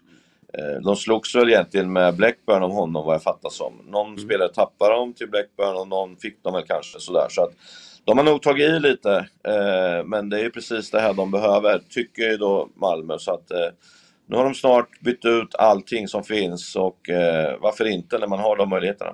Ja, Kiese kommer han att behålla platsen tror du som startman? Ja, jag tror väl att de kommer... eh, Det blir Europaspel sen såklart. Ja, Då finns det utrymme för rotation. väldigt svårt att säga just ja. nu. Eh, så jag, jag vet faktiskt inte. Det- Nej, för jag är svårt att se båda två spela. Eh, Kanske i någon form av forcering eller så. Mm. Men eh, på, på de där kanterna ska ju ingen ut och, och där finns det dessutom väldigt bra spelare. Eller vad tror du Axel? Nej, men jag håller med dig och jag tror att eh, jag tror att den här spelaren är köpt för att spela. Sen kommer man ju aldrig säga så. Det är öppet och det är hit och dit. Men eh, eh, jag tror att, att eh, Rydström vill ha den här spelaren. Mm. Annars är ju fortsatt den, den stora snackisen ändå att Djurgården till slut då kom överens med mäktiga Tottenham om en övergång av Lukas Bergvall. 110 miljoner till att börja med men bonusar som kan leda upp till hela 220 miljoner rapporteras det. En gigantisk affär. Ja, jättekul. Eh, vi behöver ju det i svensk fotboll. Att vi, att vi tar i när vi säljer de här spelarna och att de där ute i Europa fattar att man inte bara kommer och rånar oss utan att det kommer kosta. Eh, så som Danmark har fått upp sina priser. Så att, eh, ja, jättebra. Så får vi se var det tar vägen. Men det är jättebra att, att, eh, att det blir de priserna. Ja, vad ger du honom för möjligheter till spel då i, i, i Spurs? I början här. Eh, ganska... Nej, ingenting tror jag om jag ska Nej. vara ärlig. Eh, kanske något inhopp på sin höjd men eh, han behöver komma in i det och i och med att vi inte har varit i säsong så ska ju han liksom in i det här i tempot och han ska in i liksom allting. Det, det kommer ta ett tag, det kommer ju gå upp och ner och han är fortfarande ung och så. så att, liksom med, med, med lite lugn och ro så kommer det här bli jättebra men jag tror inte att han ska ha för höga förväntningar och förhoppningar om att få spela i början. Han kommer ju ansluta mitt i säsong. Han ansluter i sommar. Ja, men inte deras mittsäsong. Början på säsong för dem. För Tottenham. Ja, det är ju försäsong. Ja, början på säsong. Ja. Ja, då, men jag då tror- är det jag- jag större tol- chans att det blir bra. Ja, Ja, men jag tolkar det som du sa att han skulle ansluta. Ja, ja, jag tolkar det som att du... Ja men den biten då, hur eh, hamnar Djurgården i en knepig sits hur man ska matcha honom? Eller kommer han gå på halvfart för att inte bli skadad? Mm. Eller vad, eh, vem tjänar på, på den här halva säsongen i Djurgården tror du? Nej men alltså om man går på halvfart så får han inte spela, men det kommer han inte göra. Så det kommer inte vara någon fara. Och är man är i elitverksamhet som eh, Djurgården är så spelar man bästa laget och det, han är ju bäst då, då ska ju han spela. Så då kommer han göra det. Så att det är ingen, ingen som är fara med det. Sen är det klart att drar han ett korsband eller att liksom allt går sönder, det är klart att det finns en försäkring för Tottenham att välja att bryta eller inte, det är jag ganska säker på. Eh, men eh, men i, i, liksom annars, det är bara att spela. Det är inget, inget konstigt med det liksom. Nej, och Djurgården har ju, eh, ja det är bra ekonomi redan innan och ännu bättre nu då. Offensiva namn måste in, skriker supportrarna och Bosse verkar hålla med om det, att det är just offensiven som ska spetsas. Vad vill du se komma in i Djurgården? Jo, men, alltså det, Henke Bergen är ju med här borta. Ja. Eh, superkille för övrigt. Är det han som bjuder? Eh, Han, han har ju ätit eh, hummer på morgonen här nu hela tiden. vi andra har fått äta det tufft. Nej men eh, jag förstår inte, Fabbe du får berätta lite som håller på Djurgården. Jag förstår inte gnället liksom. Jag förstår inte det negativa med, med liksom man gör bra affärer, man mår bra, man har bra ekonomi, eh, allt känns bra. Och då är det gnäll på Bosse och dem att de gör för lite och det är för mycket hit och dit och så. Man måste ta det lite lugnt och samtidigt kan nästan inte tävla med, det, med de spelarna som hoppas få kontrakt utomlands. Nu stängde ju det här fönstret.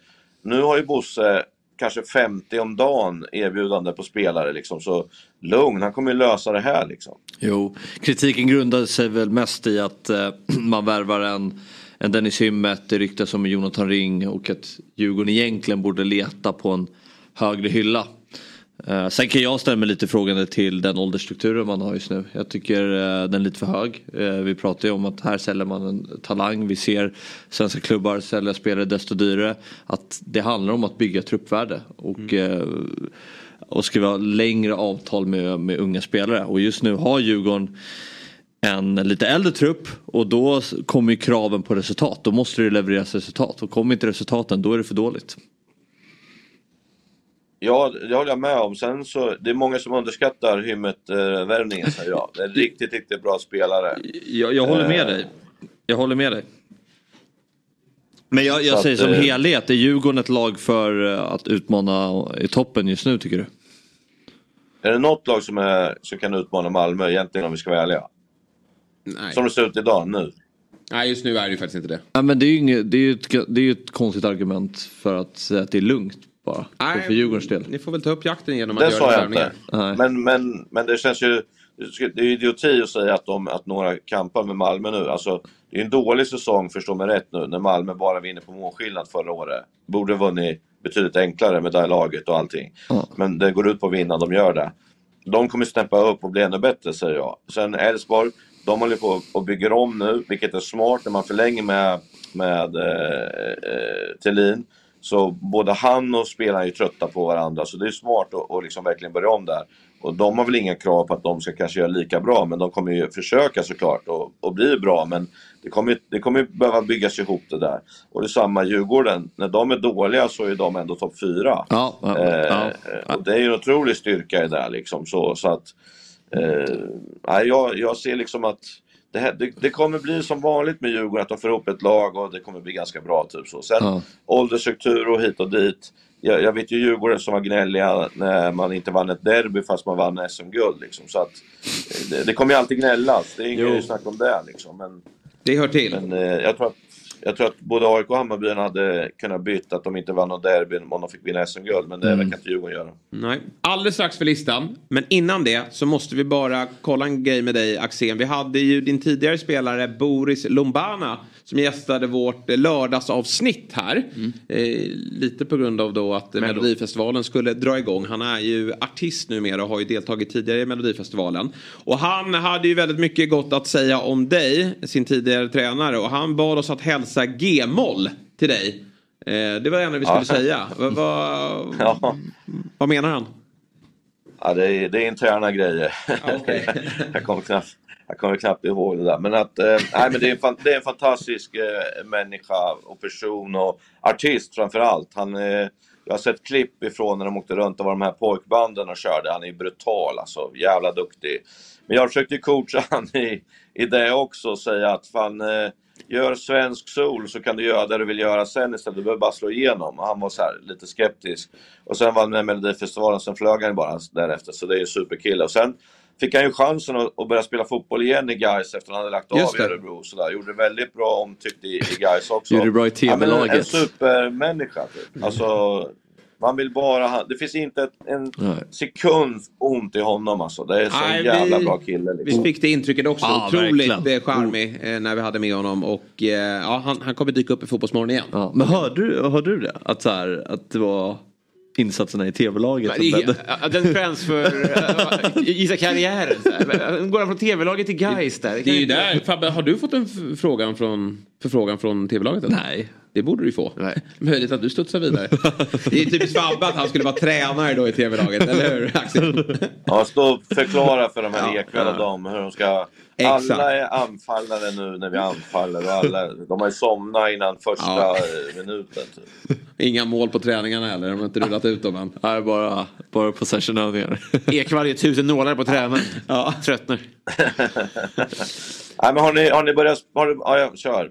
Jag ska inte Ja. köra. Kör. Ja, men nu har vi Fabbes lista då. Eh, fem namn som kommer att bli utropstecken Allsvenskan 2024. Ja, nej, vi Ordet nämnde ditt. honom lite tidigare och eh, det är en spelare i nykomling. Eh, Simon Johansson. Eh, jag tycker han är skicklig och bra. Och eh, vad jag har fått veta så har han haft erbjudanden tidigare från allsvenska klubbar men valt att stanna. En riktig ikon i Västerås och det ska bli kul att se honom på den, här, på den största scenen i, i Sverige. Eh, och, eh, Position förutom att alla är anfallare. Uh, nej men spela med bollen, försvarsspelare när de inte har bollen. Eh, nej men uh, skulle säga en box till box mittfältare eh, med kanske lite högre utgångsposition. Uh, men så kraftfull och kan göra poäng, kan transportera boll, kan ehm, distribuera boll. Eh, så eh, han måste vara bra för att Västerås ska ha en bra säsong och det tror jag att han kommer vara också. Håller du med Axel? Jag håller med. Mm, bra, då tar vi nästa namn. En favorit. Uh, enligt, eller för mig. Uh, ja, nu, inte än i alla fall. Ja, Men jag, jag tror att ehm, han kändes nästan borträknad efter förra säsongen. Eh, det var inte mycket som då tydde på att det ska vända för August Mikkelsen i, i Hammarby. Men jag tycker på de här få tillfällen under Kim Hellberg som man har fått sett honom att eh, det finns något. Och jag tror att under Kim Hellberg med lite fler spelare centralt, han får jobba på lite mindre ytor. Så tror jag att eh, han kommer kunna bli produktiv för Hammarby i år. Mm för Nu att han- får du bara inte slå över att det blir för stor hype Nej, efter precis. en försäsong så att han kliver ut med massa press här nu. Det hade nästan varit bättre om han fick eh, smyga lite i, i bakvattnet. Va, va, va, simma lite i bakvattnet. Vad, hade du, vad säger du om, om den taken att han kanske blir lite för hypad nu? Ja, men det, det kommer ju vara så här att han var så jävla dålig förra året så att bara han är bra nu så kommer det vara som att han är svinbra ju. Eh, Mm. Allt för mig mäts i poäng så det blir det som kommer vara avgörande sen om hur det, hur det ser ut. Och en spelare som man köper för så mycket pengar som de gör har man ju en viss förväntan på. Även om jag tycker att det inte spelar. Där klippte de ner linan. Eh, Vart det strul nu eller? Nej, vi hörde- vi, vi hör hörde- dig. Där vi är du hörde. tillbaka. Toppen. Ja, ja, det var en jävla larm här nu. Eh, Du vet, klockan är ju sju här i, i England nu, så att jag har ju varit vaken sedan fem för att göra mig jävligt Eh, snygg. Alltså. underbart. Ja, Eh, bra. Nej, men att det kommer bli, det blir poängerna som kommer att avgöra hur bra det blir och eh, samtidigt tycker jag att det känns rimligt att man får en ny chans om du förstår vad jag menar. Eh, hade han lämnat nu egentligen precis som deras forward gjorde, Hammarby, då är det ju liksom tålamodet och det här, vi, vi pratar ju ofta om eh, kontinuitet och sånt. Då, då vet man ju att man kommer till Hammarby, gör man det inte bra då får man gå direkt. Eh, det blir tufft då. Mm. Men han ska ju få bollen rätten precis utanför straffområdet. Och det tycker jag i de här få träningsmatcherna att han har kommit till många sådana lägen. Eh, Så det är någonting att bygga på i alla fall. I eh, bortaderbyt då mot AIK i april. Det är en av de sämsta individuella insatser jag sett i hela mitt liv. Ja, han var Helvete vad dålig otroligt svag. Verkligen. Ja, så att, blir, ja, blir han inte bättre då blir jag imponerad. Ja. Gör det Ja, sämre. det, det räcker för utropstecken. Ja, ja, precis. August Mikkelsen alltså. Vi tar tredje man på listan. Som är Ja, det här, Gustav är, Lundgren. Mm. det här är en favorit. Eh, eleganten. Eh, var... Ja, vad ska man säga? Du har ju bra koll på honom men eh, väldigt bra för Gais förra säsongen. Utgår ju från höger. Men rör sig in centralt för att han kan få använda sin vänsterfot. Otroligt känslig vänsterfot. Mm. Och eh, ser passningar som få andra spelare gör. Eh, Och nu kommer tempot bli högre. Han är ju inte den snabba spelaren. Nu blir tempot lite högre. Men jag hoppas att han ändå kan ehm, fortsätta och leverera på hyfsat liknande nivå som han gjorde i Superettan. För det här är en eh, väldigt rolig spelare att titta på.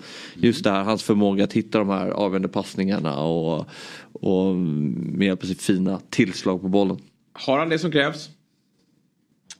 Det ska bli kul att se. Eh, för att han har lite svagheter i det som Fabbe säger. Lite med snabbheten kanske. Mm. Men också lite hårdheten skulle jag säga. För det är en lirare. Det är en fin Ja. kille det här. Och eh, när lag blir varse det så kommer man spela lite tajtare på honom, lite hårdare. Och då måste han kunna steppa upp det.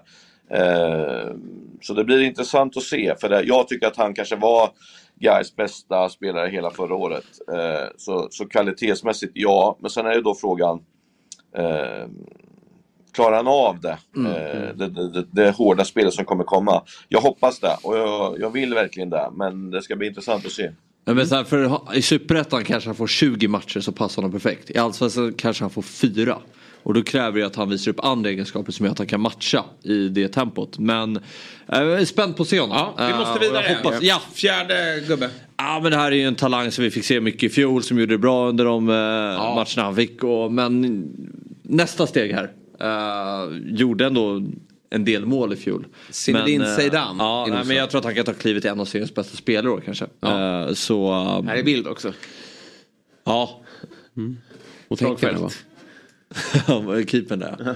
Eh, Men eh, så om man, om man tar ett nästa steg och, och klarar sig från alla skador så så kanske han till och med blir såld i, i sommar. Eh, BP, de som har spelat med honom det här halvåret håller honom väldigt högt. Han eh, har ju det mesta. Så att det här, eh, och, med tanke på vilka BP har tappat också. Så blir det viktigt här att Inosa fortsätter att leverera. Ja, verkligen. Han blir jättespännande att följa. Och sen har de ju alltid bra utbildning. Det är ju sådär man säger bara, men det är ju så. BP har- utbildar sina spelare väldigt, väldigt bra. De tycker det är kul att spela fotboll och de är inte rädda för någonting. Och de har egenskaper som är väldigt spännande. Så att, eh, nej, det håller jag med om. Det där kan bli riktigt bra. Och femte man, sist ut på Fabbes allsvenska utropsteckenlista. Ja, nej, men de har ju tappat några spelare på, på mittfältet och eh, startade ju förvånansvärt få matcher. Sett till det avtryck han gjorde i Allsvenskan. Men kan han ta en startplats i år så kommer det här bli Häckens nästa storförsäljning. Hur gammal är han? 06? 05. 05, yes. Men det var att kolla på vad han gjorde mot Malmö. Jag ju två mål i den matchen i, under hösten där och eh, så kan han få mer kontinuitet, mer speltid så kommer han vara en, en väldigt bra spelare i Allsvenskan. Jag håller med, men han kommer inte få spela. De har alldeles för starkt in i mitt fält. Eh, så att eh, han kommer få göra matcher, fler matcher än förra året, absolut. Men jag tror inte att det kommer bli så att man liksom lägger upp det kring honom. Utan det finns alldeles för många bra där före.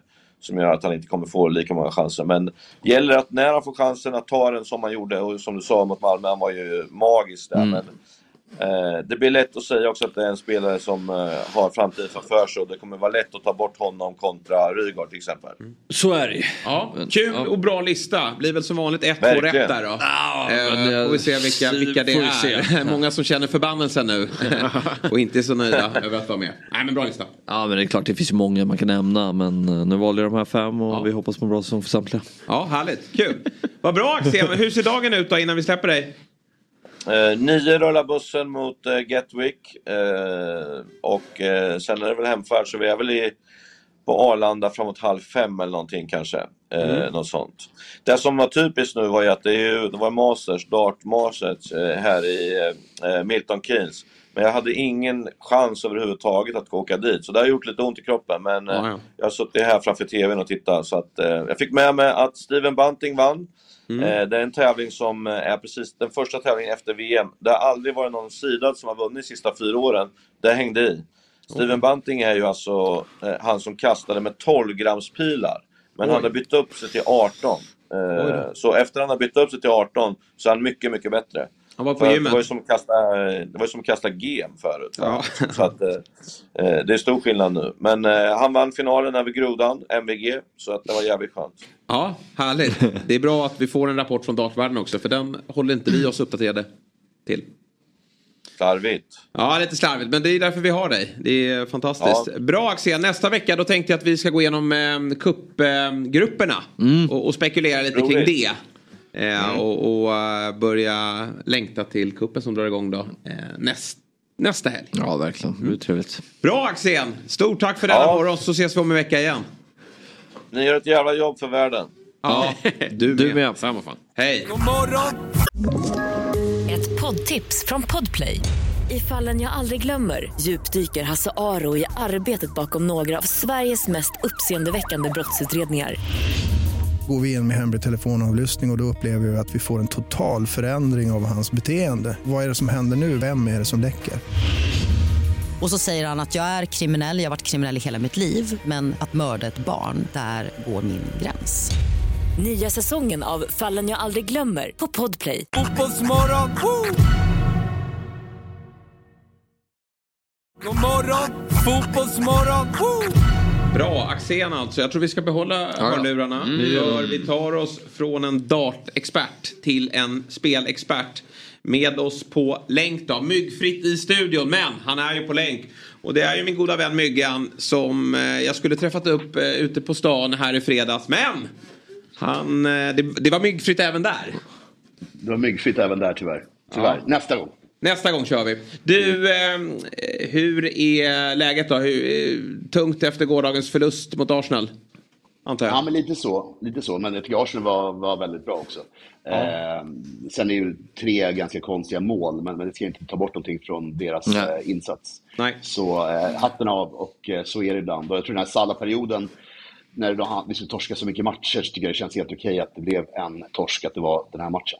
Mm, precis. Vi ska snacka Liverpool mer med Jonas Olsson sen då, men jag förstår att det är lite besvikelse. Men du tar det på rätt sätt och det är många matcher kvar. Då. Afcon också, dramatisk match mellan Mali och Elfenbenskusten. Det verkar vara melodin då, att man ska skicka en tränare mitt i mästerskapet. Helt ny taktik. Det Ja. borde fler efterapa. Så att, Spännande hur det slutar. Nej, men jag tycker vi ska se fram emot, om det är tisdag, onsdag, eh, semifinalerna. Det är ju jättekul hittills. Det här är ju det bästa mästerskapet jag sett på evigheter. Ja. Så att eh, alla håller på Kongo, så kör vi. Just det, det är laget man vill ska vinna har jag förstått. Mm, Så. exakt. Då, då gör vi det. Eh, du, innan vi tittar på, på dagens speltips då. Tips-SM drog igång i helgen och det var ju som vanligt med, med eh, ja, besk eftersmak. Det, var- det var inget bra. Nej, det var ingen bra start för oss, men eh, det är just det där med att det är, ju, det är ett maraton där Jeppe. Så att, eh, Mm. sitt still i båten så löser vi det här. Men får det är ju- kul att det är igång. Det är kul Mm. att gå in och följa er under, sen, alltså under matchen också. Det är en rolig krydda. Så Ja. jag gillar det. Ja, det, var, det var svårt där. Det är klart att det var inte jättemånga som satt med, med Luton-krysset där i, eh, på en 64-raders. Nej, det var, tyvärr var det några stycken sådär, Plymouth och några till där som var lite, lite luriga. Men Ja. eh, det gör det ju bara roligare. Vet du. Ja. roligare. Nya tag nästa helg och vi snackar givetvis upp eh, tips-SM och stryket eh, senare Hur många mot rätt fick veckan. ni? Eh, ja, Nej, vi... Sex eller sju. Ja, det var inget kul. Ja, sju eller åtta tror jag fick. Ja, man orkar inte gå in. Man kollar ju inte efter så någon gång utan det tar man ju tag i. Nej, precis. Jag höll på att kolla men jag orkar inte. Nej, nej. Bra, vi tar oss till oddset istället. Där Myggan Mm. såklart har en eh, början på veckan, Janne då som vi kallar den. Och eh, du får berätta mer om den här och nu. Ja, det är lite, lite som eh, cupvecka i Europa. Ikväll är det lite, lite ligamatcher med ganska stora favoriter. Så vi hoppar in på tisdagen här. Mm. Där det är ett omspel i, i kuppen där Plymouth tar emot Leeds. Eh, Plymouth, jättefin seger mot Swansea senast. Nu är det hemma. De gör alltid mål. Jag tror Leeds vinner, så jag tror att det kan bli 1-2, 1-3 där. Någonting sånt. Eh, och eh, 1,80 tycker jag är helt okej med tanke på hur målrika de här lagen är. Ja. Eh, nästa match har vi ju Fabbes lag, Leverkusen. Eh, tror att marknaden tror att han kommer spara spelare inför Bayern München i helgen. Jag tror att tisdag borde funka för att bli ett ganska bra lag. Och då tror jag man vinner eh, ganska enkelt. Och då, därför är det högt odds på Leverkusen för en gångs skull. Det har vi liksom vänt lite grann på. Eh, sist men inte minst, jag gick ju fel sist här. Mallorca är ju superstarka hemma. Nu möter de Sociedad som, deras form är väldigt bra, men den är inte som den var i, eh, innan jul. Och eh, det är cup, så jag tror verkligen att de kommer att, eh, att eh, åtminstone kryssa här. Och då har vi 0,25 Jeppe, du vet ju vad det betyder. Ja, men precis. Då är det halvseger då. Så då är det insats plus Precis. halvseger tillbaka. Så att eh, jag Mm. gillar alltid plusbollen. Leverkusen går ju för cupguld här också med både Dortmund och Bayern i utslagna. Ja men precis, och andra sidan är väl eh, Schweiz-lag typ. Mm, precis. I andra, andra semin. Så att jag tror verkligen att de kommer vinna. Och eh, som sagt var, tisdag, lördag blir inga konstigheter att spela. Så att, nej jag tror att de kommer spela ett bra Nej, lag. vinner alltid i år. De ställer upp i. Otroligt om det blir så. Ja, nej, men de är så bra. Ja. Ja. Coolt. Det är bra, bra spel att ha trippel. Ja, fin trippel. Odds 8-16 gånger pengarna då. Så att, eh, det går väl att lösa någon lunch någonstans eh, för den tian. Och eh, Oddset är en produkt från Svenska Spelsport och Casino AB. 18 år gäller, stödlinjen.se om man upplever problem med sitt, sitt spelande. Vad eh, ser du annars fram emot i veckan då? City ikväll, Brentford. Kan det, Ja, City- Hoppas du på poängtapp? Eller det gör du ju såklart, men tror du att det kan bli så? Nej, det tror jag verkligen inte. De, de stora vinnarna igår var City. Jag tror kommer, nu, det här är ju deras... eh, Det här hjälpte ju till en hel del. Så att, eh, jag, jag tror verkligen det här var ju en sån jäkla boost för dem igår. Eh, superfint. Så de kommer att vinna rätt stort tror jag. Eh, men eh, Roma är lite intresserad av att se hur det går för dem. Jag tycker det är spännande att byta tränare. Och sen så, som sagt var, imorgon är det lite cupmatcher och det är väl Chelsea, Aston Villa, lite sånt i veckan. Eh, returer. Ja. Men mer än det är det ju inte. Det är ju helgen som gäller sen. Då är det Ja. mycket stora matcher. Sen har vi ju Champions League, sen så cupen, ligorna. Alltså hur ska, hur ska man navigera sig? Ja, men det är ju sjukt faktiskt. VM 2026. Ja. Får vi inte glömma. Nej. Gå fort nu. Verkligen. Det- det är VM-final som spelas i New York. det- det Nations League i mars va? Det är, det är Nations League-lottning på torsdag Fabian, så det är bra, bra sagt. Just det. Men det, är- det, är- det, är en bra, eh, det är en bra vecka att ta igen eh, på annat i livet, som tv-serier eller vänner och sånt. Så. Vad, vad kollar du på just nu då?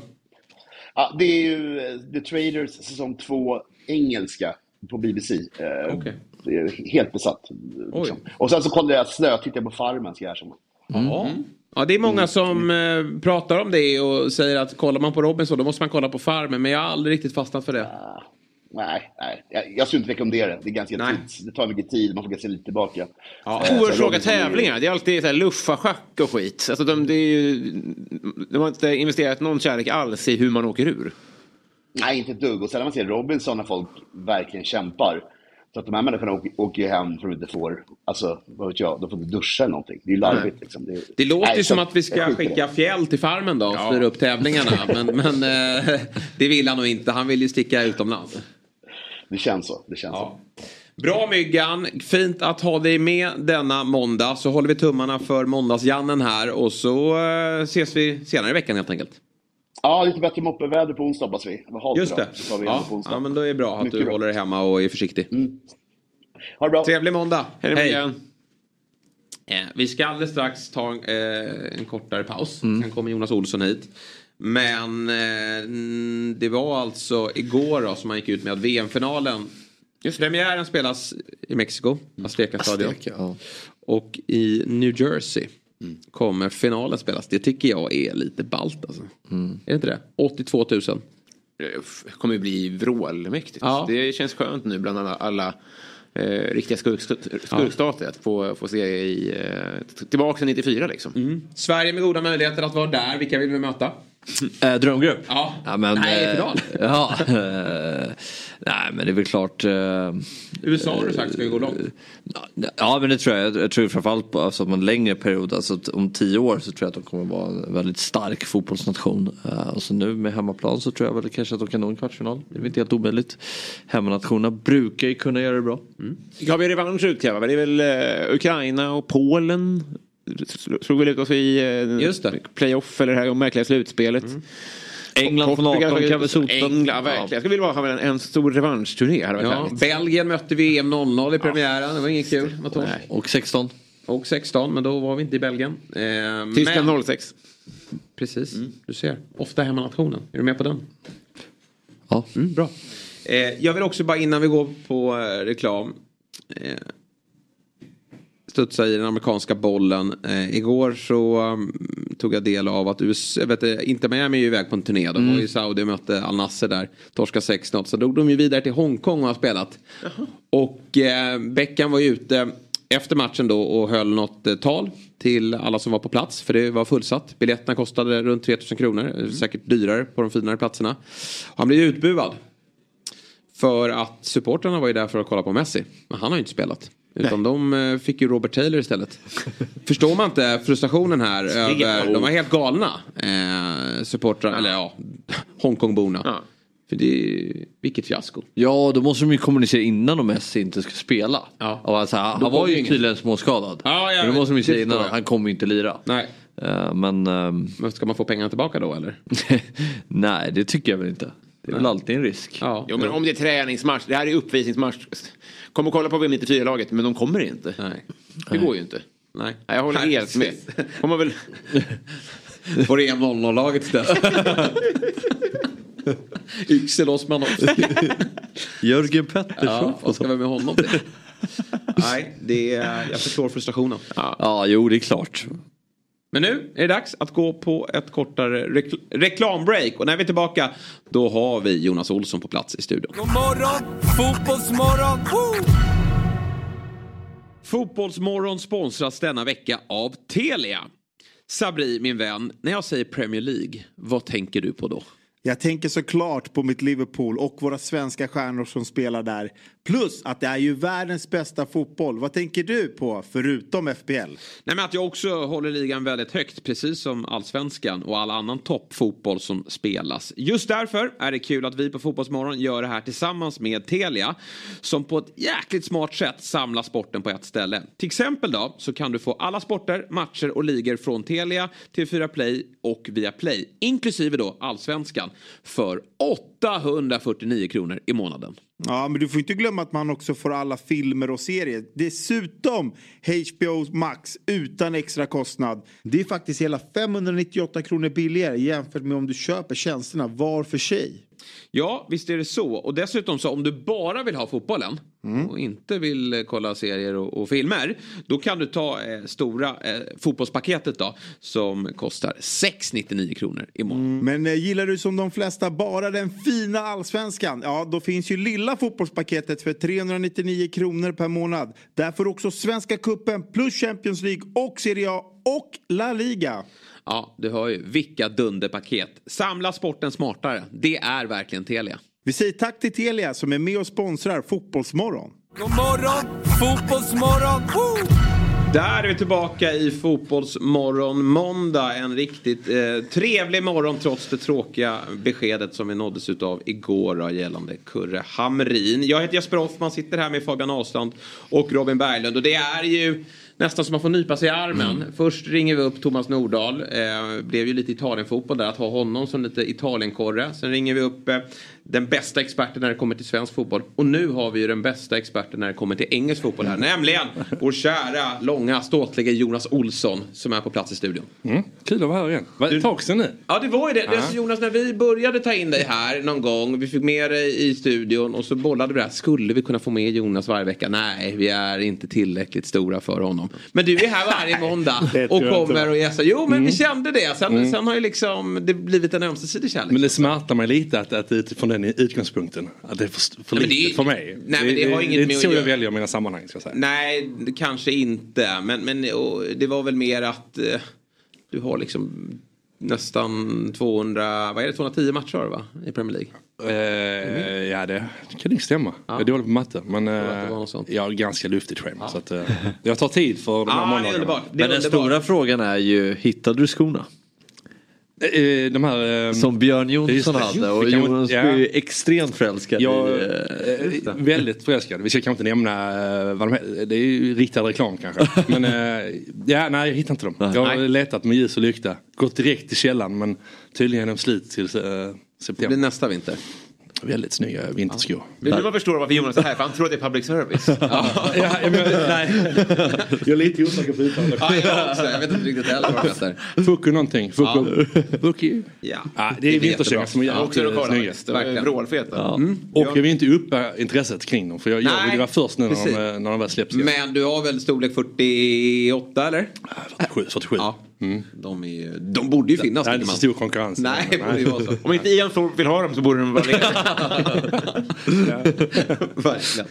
Du, eh, eh, det är, vi pratade om att det var många mål som gjordes i den allsvenska försäsongen. Men, men lugn bara lugn, vi ska inte prata om den. Eh, utan det är ju Premier League som vi ska prata om. Och där gjordes det hela 41 mål den här helgen. Och vi har en match kvar. Den spelas ju ikväll, Brentford eh, City. Och där kan det väl bli några till, eh, känner jag. Vad eh, tar du med dig från, från helgen? Eh, mycket. Jag tar med mig att eh, Arsenal var väldigt bra igår mot Liverpool. Tyckte jag. Eh, jag tar med mig att Chelsea är, är samma visa liksom. Eh, Palmer bra. Eh, Thiago Silva lite för gammal. Mm. Tissasi lite för dålig.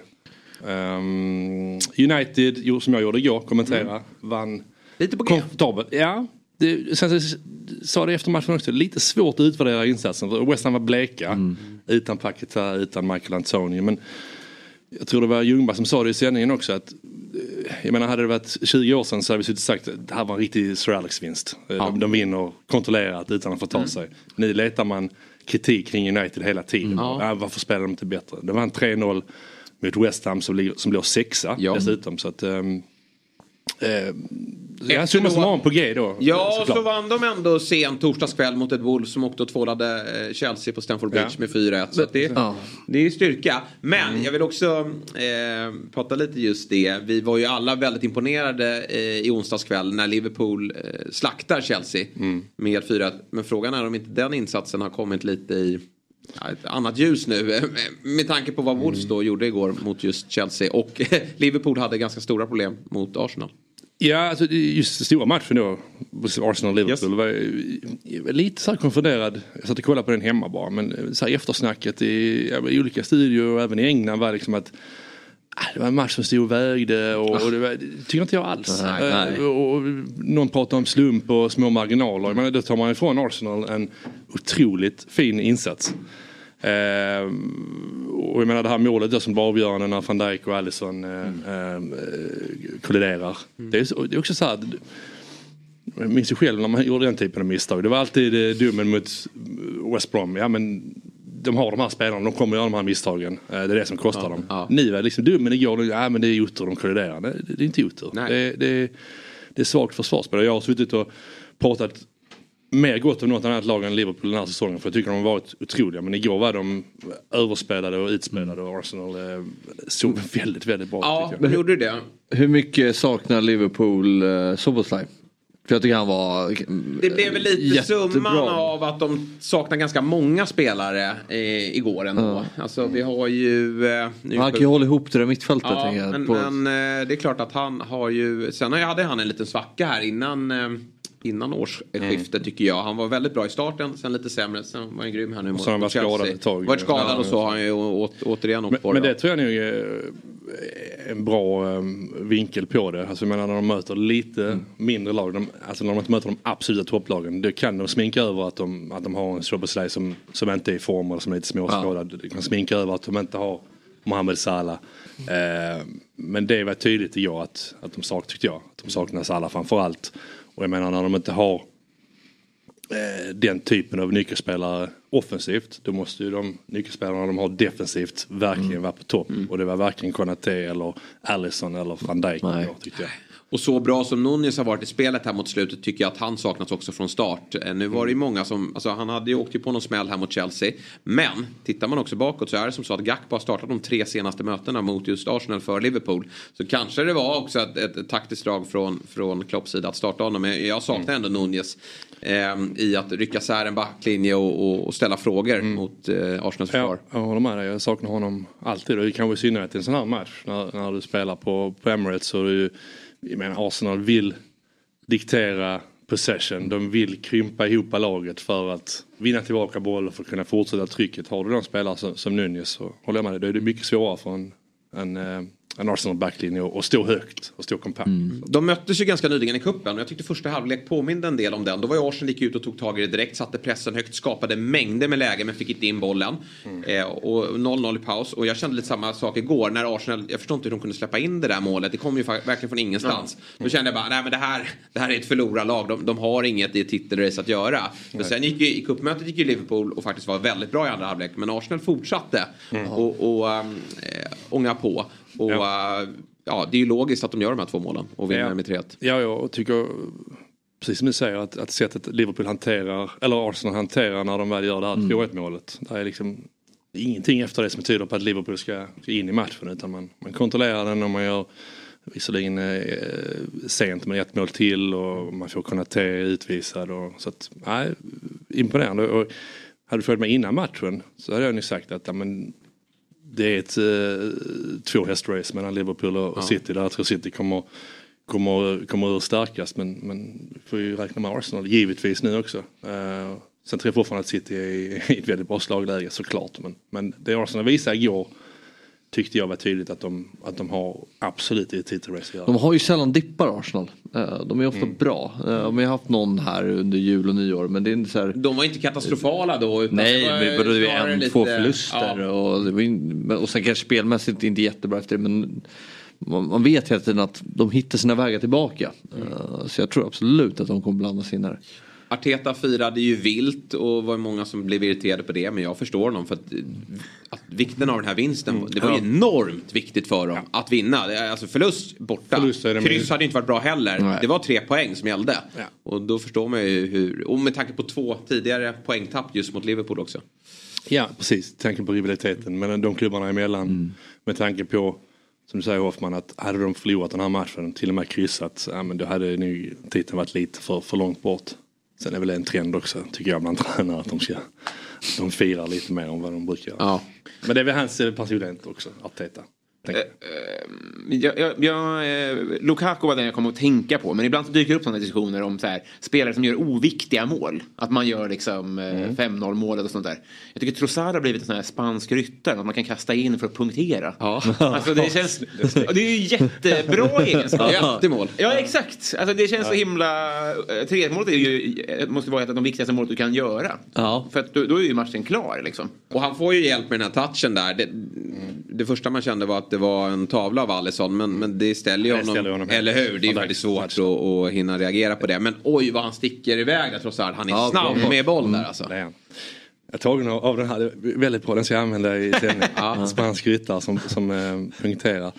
Eh, jag menar, vi har pratat om det innan tror jag, just med anfallare som, som gör mål. Ja, vilka mål är det de gör då? Mm. Är det de viktiga målen? Är det, är det 1-0 målet? Det 2-1 målet? Är det i de stora matcherna? Och där håller jag med dig om att Trossard är en, en, en spelare för de stora matcherna. Mm.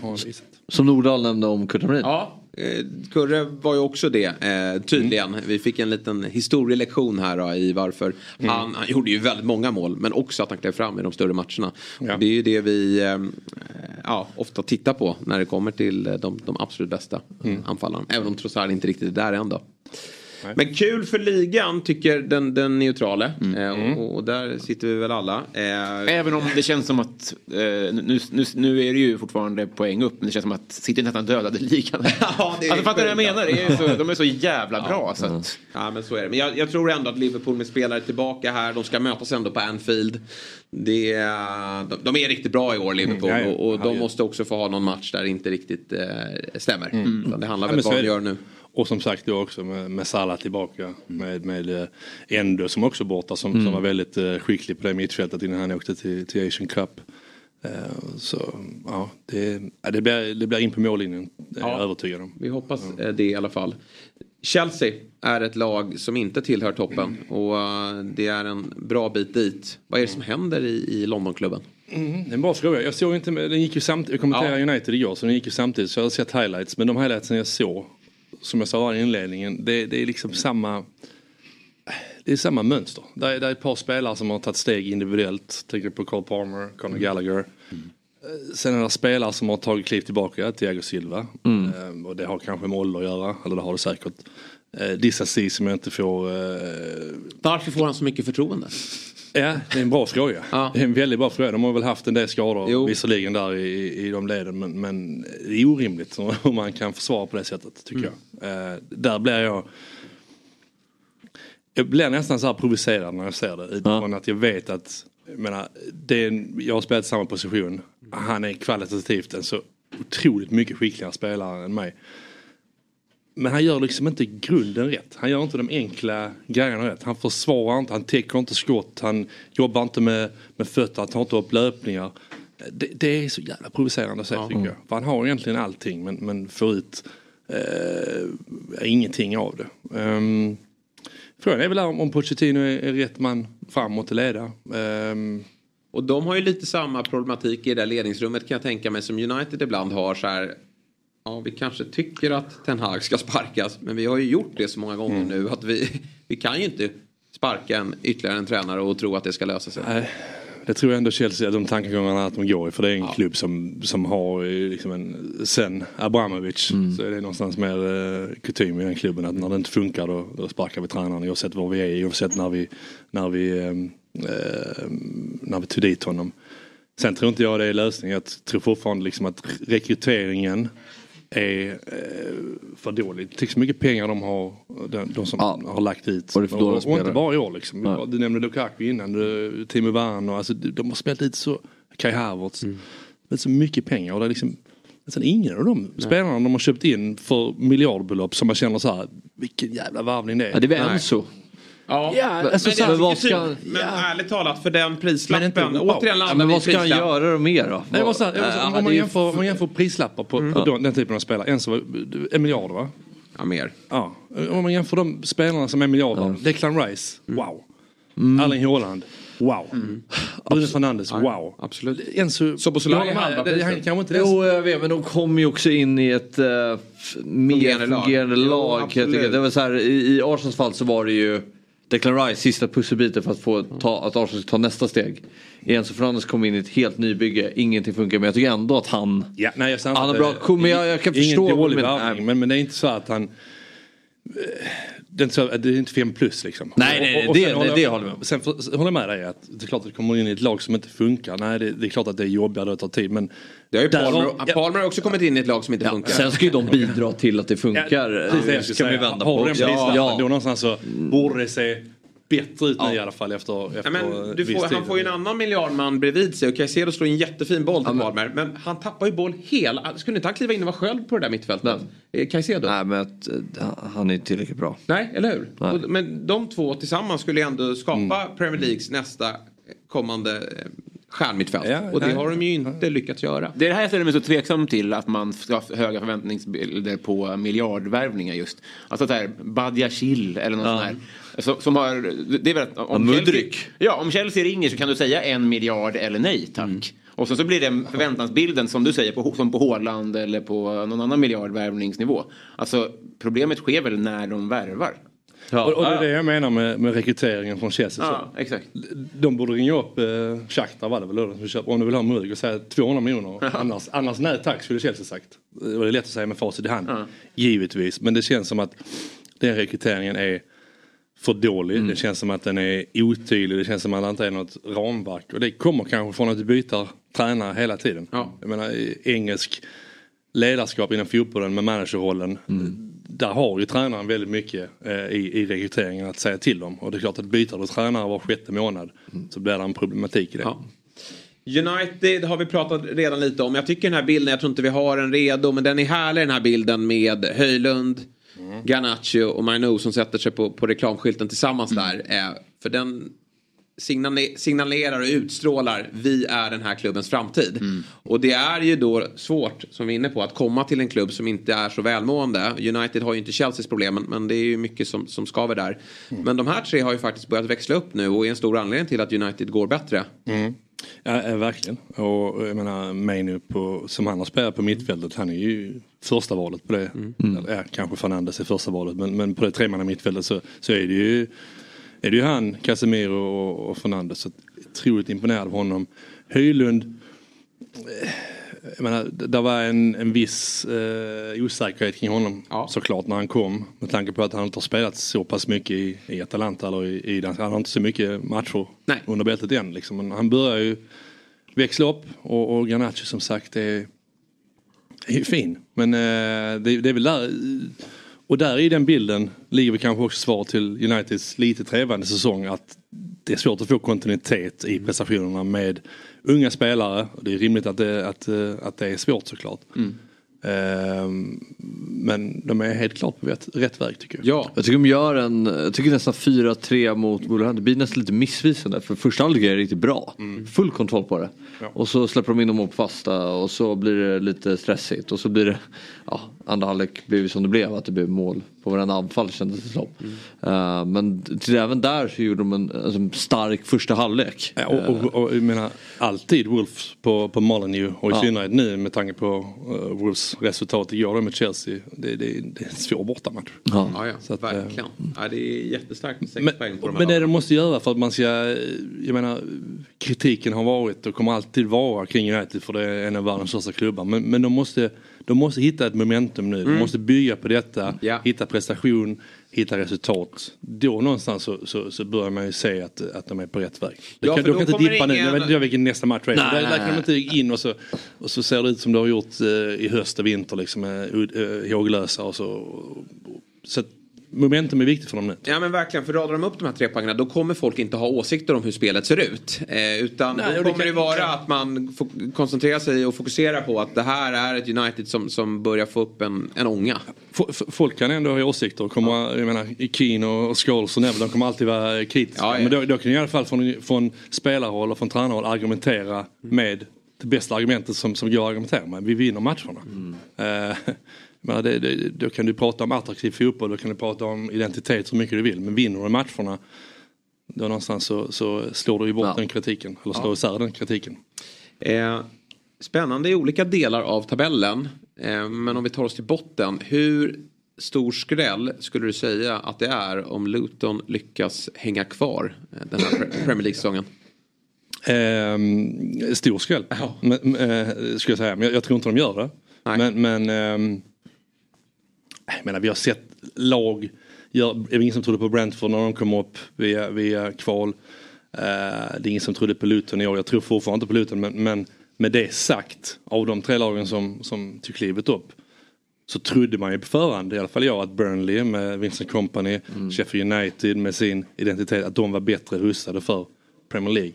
Det var ganska tydligt nu de senaste månaderna att det, att det, att det är Luton, mm. något lag som ska, som ska klara det. Jag gillar sättet de spelar under Rob Edwards. De är, de är kompakta men de är, inte, de är inte defensiva, de sitter inte tillbaka, de, de trycker på. Har ju spetsspelare också. Ja, alltså Ross Barkley. Ah, nej, men. Ja, Sen blandar han gav lite i possession mot, mot, mot Newcastle men, men jag tycker han är en väldigt, väldigt bra mittfältare. Han tappar ju bollen där på något Ja, mål men uh, han är fin alltså. Ja, Jag nya Men rollen, jag tror att det är den, den där rollen han ska ha. Han ska vara en bärande spelare i ett sämre lag. Nu började alla snacka om att han har utgående kontrakt. Så borde inte vi ta honom till en toppklubb? Men då funkar det inte lika Nej. bra. Utan han ska ju ha det här ansvaret. Ja. Där han är liksom, nästan allt handlar om honom. Både i positiv och negativ bemärkelse. Men eh, jag tror jag han, han har hittat rätt här. Jag tror också, jag menar, man kommer inte ifrån heller att, att pressen eh, jag säger inte att han är en, dålig spelare under press men, men det är ju lättare att spela för en klubb utifrån förväntningar som, som Luton än Chelsea och där känns det som att han, eh, att han trivs bättre med, med, med den lite snällare kravbilden kanske. Du måste ju ha mött honom va? Förlåt? Du måste ju ha mött honom när han var så här uppsnackad talang. Han är 93 va? Tror jag. Jag måste ha mött honom, nu ska jag säga här så det inte blir som, som Kåmark när han säger att han har mött Vidic och Ferdinand. Så var det, så var det, så var det, var det fem år senare de kom. Men, eh, nej, men han var väl i Chelsea. Isak tog han ju ner. Men du har ju dator där va? Ja absolut. Barkley, äh, måste ha varit i Chelsea när jag, när, mina sista Ja, nej, men alltså han slog igenom Everton. eh, Everton? 2010 i Everton. Han var ju där 10 till 18. Ja. 10 till 18. Everton. Jag vet inte hur många matcher han gjorde där i början. Men så gammal är du inte. Det, var nästan en Kåmark där. Eh, 10 till 18 i Everton, sa du det? Ja, 10 till 18. Sen var han ju utlånad 12 till Sheffield Wednesday, 13 till Leeds. Det minns man inte. Men så att jag kan tänka mig att från 14 och framåt Mm. då. Så Ja, då han spela kontinuerligt i Everton. Ja, men det har vi stött på varandra. Ja. Var han i Lille också? Eller vad var han var? Eh, Nice. Nice. Mm. Precis. Eh, och han har ju varit i Chelsea och Aston Villa också. Och det har ju alltid varit, man har ju sett någonstans potentialen. Men det har aldrig riktigt eh, flugit för honom. Nej. Ja, men om de, de kan vara den där lilla dammen. Att de kan ta hem så här Jack Wilshere och Ja. Dele Ja. Alli och folk. Som man har gett upp hoppet på. Det vore ju skitfint. Ja, nej men verkligen. Hoppas att Dele Alli eh, tar, tar det här Vet, du, steget vet också. du vilken klubb Jack Wilshere avslutar karriären i? Da- Danmark va? Ja, Århus. Ja. Och nu är han tränare va? Tror jag, i Ja, Arsenal. Men jag tycker med Newcastle att det är ju så här, jag gillar det sättet att spela på, mycket fart och så här, men mot Luton hemma så borde man ju kunna kontrollera matchen mer. Alltså det blir lite för mycket svängdörrar. Lite, alltså, New- Luton får komma väldigt många gånger till Newcastles eh, straffområde. Eh, och, Så och var fan, det inte de- förut. Nej, de, men ex- nej. I fjol, alltså ramstarkt försvar. Ja, nej, men det är så. Jag, jag tror att, eh, jag håller med i den bilden. Och jag tror att, jag tror det har att göra med att Newcastle förra året var någonstans där. Men nu, nu sätter vi upp utifrån vårt sätt vi vill spela. Eh, Det gör de fortfarande på ett sätt. Men de har ändå en annorlunda kravbild nu. Jag tror de börjar jaga matcher lite för tidigt. Ja. Och lite för ofta. Och jag tycker inte de har ett försvar att jaga matcher. Dan Burn till exempel blev förbisprungen. Eh, kommer inte ihåg vem man rev ner mot Luton. Men, men Dan Burn är ingen spelare som ska spela med en hög backlinje. Fabian Schär är inte en sån spelare. Bottman kanske. Trippier den här säsongen han har varit uh, opålitlig. Så att Jag tror det är lite problemet med, med Newcastle för tillfället. Att de, att de tittar upp och känner att nu, är det, nu är vi 11 poäng från, eh, från Champions League. ja, det kan ju vara så. Eh, eller 13 poäng till och med. Ehm, och så försöker de jaga och vinna matcher och då hänger de inte ihop som lag. Nej. Nej. Men, också med det sagt, jag menar skadeproblematiken har ju varit brutal för Eddie Howe och, och Newcastle med Isak borta igen. Callum Wilson borta, kom in nu senast men Tonali är avstängd. Eh, Joe Linton borta. Så att det, det får man också ha med men Senast vi, jag var med här så att vi pratade om Newcastle att de får inte, de får inte halka ner mycket längre än de gör. Nej. Och det, ja, nej, de är ju borta nu från... Ja, men det ju- Från Champions League är de ju det, men absolut Europaplatsen, alltså sjätteplatsen med en bra... Jag hade ju... Jag kände ju här inför eh, våren här nu eh, efter matchen mot Aston Villa, där de, jag tycker de gjorde en väldigt fin match på Villa Park, att eh, nu kommer det, vå- det våras för, för Newcastle. De kommer kunna Mm. göra en mm, bra säsong, säsongsavslutning nu när de inte har Europaspel. Men så kommer den här lilla snytingen. Eh, poängtapp hemma mot Luton. Det är inte tillräckligt bra. Men skulle de sladda in ändå på en sjätte, sjunde plats. Då är det ändå tillräckligt tycker jag för att Eddie Howe ändå ska kunna få fortsätta. Ja, nej det gör det med då. Och, och jag menar om man ser den här tabellen, i synnerhet den här säsongen kanske. Menar, ta bort de tre översta lagen. Sen är det ju lag som, som jag menar, de, de är där de är i tabellen för att de inte har den tillräckliga kontinuiteten i sina, i- i sina prestationer. De har inte den riktiga bredden i sitt lag kanske för att, för att hantera eh, skador. Så att, eh, menar, vad man kan kräva av, av ett lag som Newcastle tycker inte jag än är, är Champions League. Nej. Men, eh, men med det sagt så ja, prestation, prestationen med Luton var ju inte bra. Nej. Och det var ehm, oroväckande i form av att de såg väldigt, väldigt öppet Mm. tyckte jag. Mm. Ett, ett, ett lag som visserligen vi, vi pratar om här Luton, de är, de, är, de är där i botten, de kanske håller kvar. Vi, vi är lite imponerade av att de inte är längre ner men det är fortfarande Luton liksom. De ska inte släppa in fyra, lag, fyra mål mot Luton på St. James. Och de leder med 2-1 också och så släpper till till 2-4. Får den pangstarten med Ja, direkt men- då, då är det ju bara Ja. att segla iväg. Eller gick de till 2-0 till och med? Nej, det jag 2-1. inte. Ja, det var så mycket mål där. nästan. Men annars då Jonas så har vi fått en ny svensk till Premier League. Eller i, i Mm. sommar då. Så sker ju, går ju flyttlasset då för Lukas Bergvall. Lämnar Djurgården. Den dyraste försäljningen verkar det som då. Eh, när eh, Tottenham då väntar. Vad har du för råd till eh, Lukas Bergvall? Eh, råd vet jag inte eftersom jag aldrig var på den nivån. Eh, du har ju varit i ja, Premier Jo League. men i form av den klubben då och den konkurrensen. Låter som Fabbe. Det. Nej men det, det är såklart en, det är ju en annan ett annat fokus såklart på en sån typ av klubb. En annan konkurrens.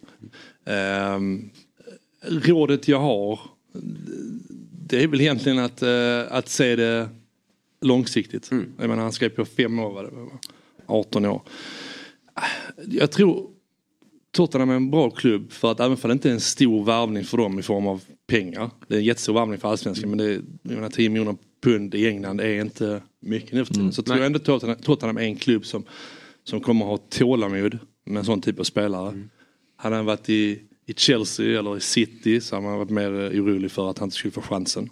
Eh, så, jag tror rådet skulle vara att, att bida sin tid, att göra, göra det, ehm, eh, jag menar, att- planera den, det kontraktet och den resan på, på rätt sätt för en 18-åring. Ehm, att lyssna på en annan svensk i laget, Kulusevski, det Ja. tror jag är viktigt att han har honom där.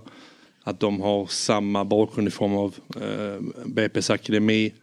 Eh, de kommer säkert ha eh, en relation i landslaget också. Mm. Jag gissar att Bergvall är, är aktuell för ett svenskt A-landslag ganska snart. Så eh, det blir väl ett, ett, ett luddigt råd då. Nej, ett, ett råd, alltså, jag tror faran i ett sånt steg såklart är ju Att man blir stressad snabbt för att speltiden uteblir. Ja. Och, och, och den stressen kan jag förstå för jag tror ändå i den åldern att det viktigaste är att få speltid i, ett, eh, i, i seniorfotbollen. Men då kommer man också till en klubb som förmodligen kommer att spela Europa. Du har FA-cup, du har ligacup. Han kommer att få sina chanser. Så, så ja, sitt lugnt i båten och, och lita på eh, lita på din intuition, lita på din eh, professionalitet så, så eh, har han alla möjligheter. Och han är en klubb också, menar, det var snack om? Barca eller Tottenham, det vet han bara själv, han har väl gått på magkänsla, jag vet inte. Men, men det är också en klubb som är det är positiva vindar, de har en tränare som, som, som kommer vara där över tid. Om inget oförsett händer. Barcelona är i en helt annan situation. Ekonomiska problem, Xavi lämnar. Eh, konkurrensen från eh, La Masia och liksom akademin i Barcelona i den positionen är en helt annan än vad den är i, i, i, i Spurs. Med all respekt för det mittfältet med Sarr och, och Bissoma men det känns ändå som att det är möjligheter för honom att få speltid. Ja men där bakom så känns det ändå som att det är hyfsat öppet. Skip finns ju där och han har väl blandat och gett. Men, men eh, Höjbjerg ska ju slussas ut. Mm. Och jag tror att de vill föryngra och eh, Bergvalls egenskaper är helt övertygad om att Postecoglou har varit med och ibland kan de ju värva in unga spelare i den där typen av klubbar och så har inte första tränaren varit så delaktig i det för att Nej. de ska in i något reservlag. Men han är ju värvad till, till truppen. Eh, och, Ja. och jag tror att Postecoglou har sett honom och, och har gett sin sin tumme upp här. För att det är en spelare som borde kunna passa in. Sen kanske inte det sker nu i höst utan lite längre fram då. Nej, det, det var min poäng där. Jag tror att Tottenham är, uppfattar jag utifrån en sådan klubb med, med Daniel Levy och med Postecoglou att, Mm. de, att de, de gör liksom inte saker på uppstuds och de tar inte in spelare bara för att uh, det är en agentservice tar in honom, tar vi in honom. Utan det känns som att de gör hemläxan för de spelare de tar in oavsett om det är nuvarande stjärnor de tar in eller om det är, det är 18-åringar för framtiden. Sen, sen tror jag faktiskt att hans sätt att spela på kommer passa Bergvall. Alltså just att spela in mycket på mittfältarna. Eh, spela med ganska hög risk på egen plan. Och Bergvall är ju väldigt skicklig på att göra sig rättvänd. Alltså kunna vända bort en spelare. Eh, så det är som framåt att se han kan liksom, när han får chansen. Hur han kan liksom klara sig och hantera det. I det lilla tycker jag att det är, kanske framförallt för fansen då, att det är coolt att blåsa Barca i sista stund också. Det minns jag när, när Isak gick till Dortmund istället för Real Madrid. Att det, det kändes jävligt fett. Liksom. när man håller på det laget, så här, han, det är ett aktivt val. Han väljer bort den här storklubben. Som du säger, det, tappat Xavi och ekonomiska problem. Absolut, men det är fortfarande Barca. ja, det ja, säger ju ja, någonting om att säga, jag tror mer på det här projektet. Det måste kännas eh, bra. Ja, Nej, jag instämmer helt. Det, Jag såg, in, jag, såg intervju med honom. Han kändes ändå så här självklar när han pratade. Det är lätt att så här, det är ju bara ord och sådär. Men han känns ändå... Nej, jag tycker också, jag har bra intryck. Och sympatisk och Ja. tydlig och mogen för sin ålder. Han är ju barnstjärna, Sveriges Neymar känns det som. Så verkligen. Alltså, han har ju eh, allt känns som. Även det yttre. Så han är riktig Beckham. Vi skickar över här. Det är bara att hoppas att han är lika bra på fotboll. hoppas. Ja.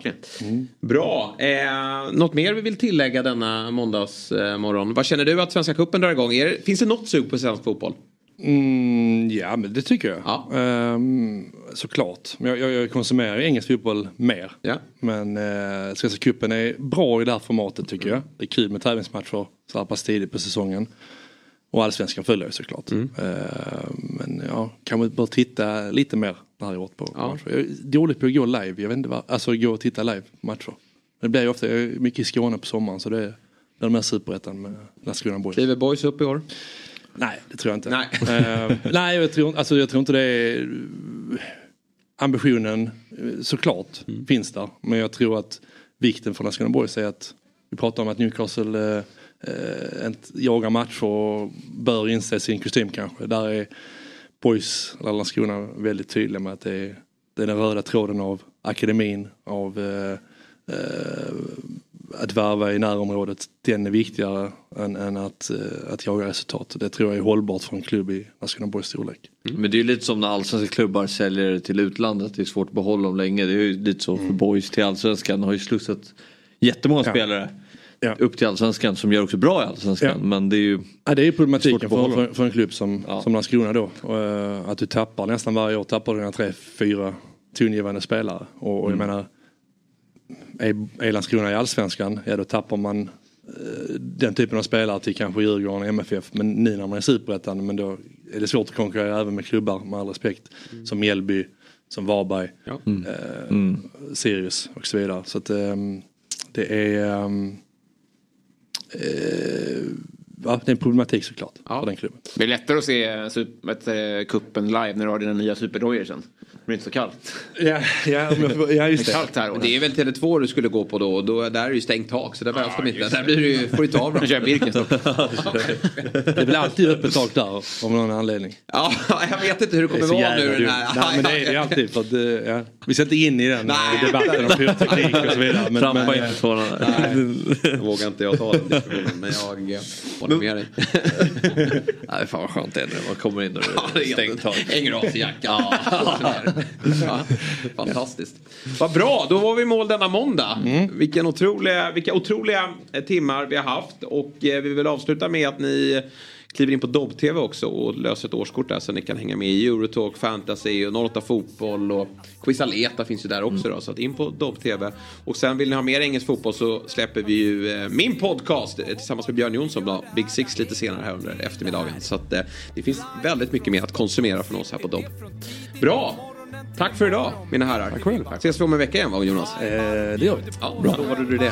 Toppen. Och vi ses redan imorgon igen Studion börjar 07.00. själva, Hej. du har väntat länge nog på vår skit. Det har vi med. Blod, svett, tårar och slit. Det här är som en pumpad boll på en magisk matta. Vi har jobbat med de bästa. Lyssna, du kommer fatta. Hata om du vill och var avundsjuk. Men det klär dig jävligt dåligt och då byts du ut. Yeah! Det här är Fotbollsmorgon. God morgon, god morgon, fotbollsmorgon. God morgon, god morgon, fotbollsmorgon. David, David, David. Det här är Fjällsgäng på dopp som drar upp rullgardinen. Yeah. Vi hatar plast men vi älskar gräs. Det här är smilet på pendeln. Det här är gemensamt boende.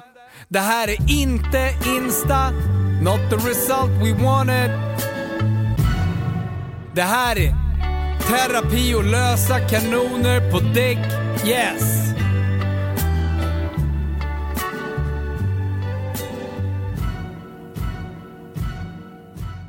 Fotbollsmorgon presenteras i samarbete med Oddset, betting online och i butik. Ett poddtips från Podplay. I fallen jag aldrig glömmer djupdyker Hasse Aro i arbetet bakom några av Sveriges mest uppseendeväckande brottsutredningar. Går vi in med hemlig telefonavlyssning och, och då upplever vi att vi får en total förändring av hans beteende. Vad är det som händer nu? Vem är det som läcker? Och så säger han att jag är kriminell, jag har varit kriminell i hela mitt liv men att mörda ett barn, där går min gräns. Nya säsongen av Fallen jag aldrig glömmer på Podplay.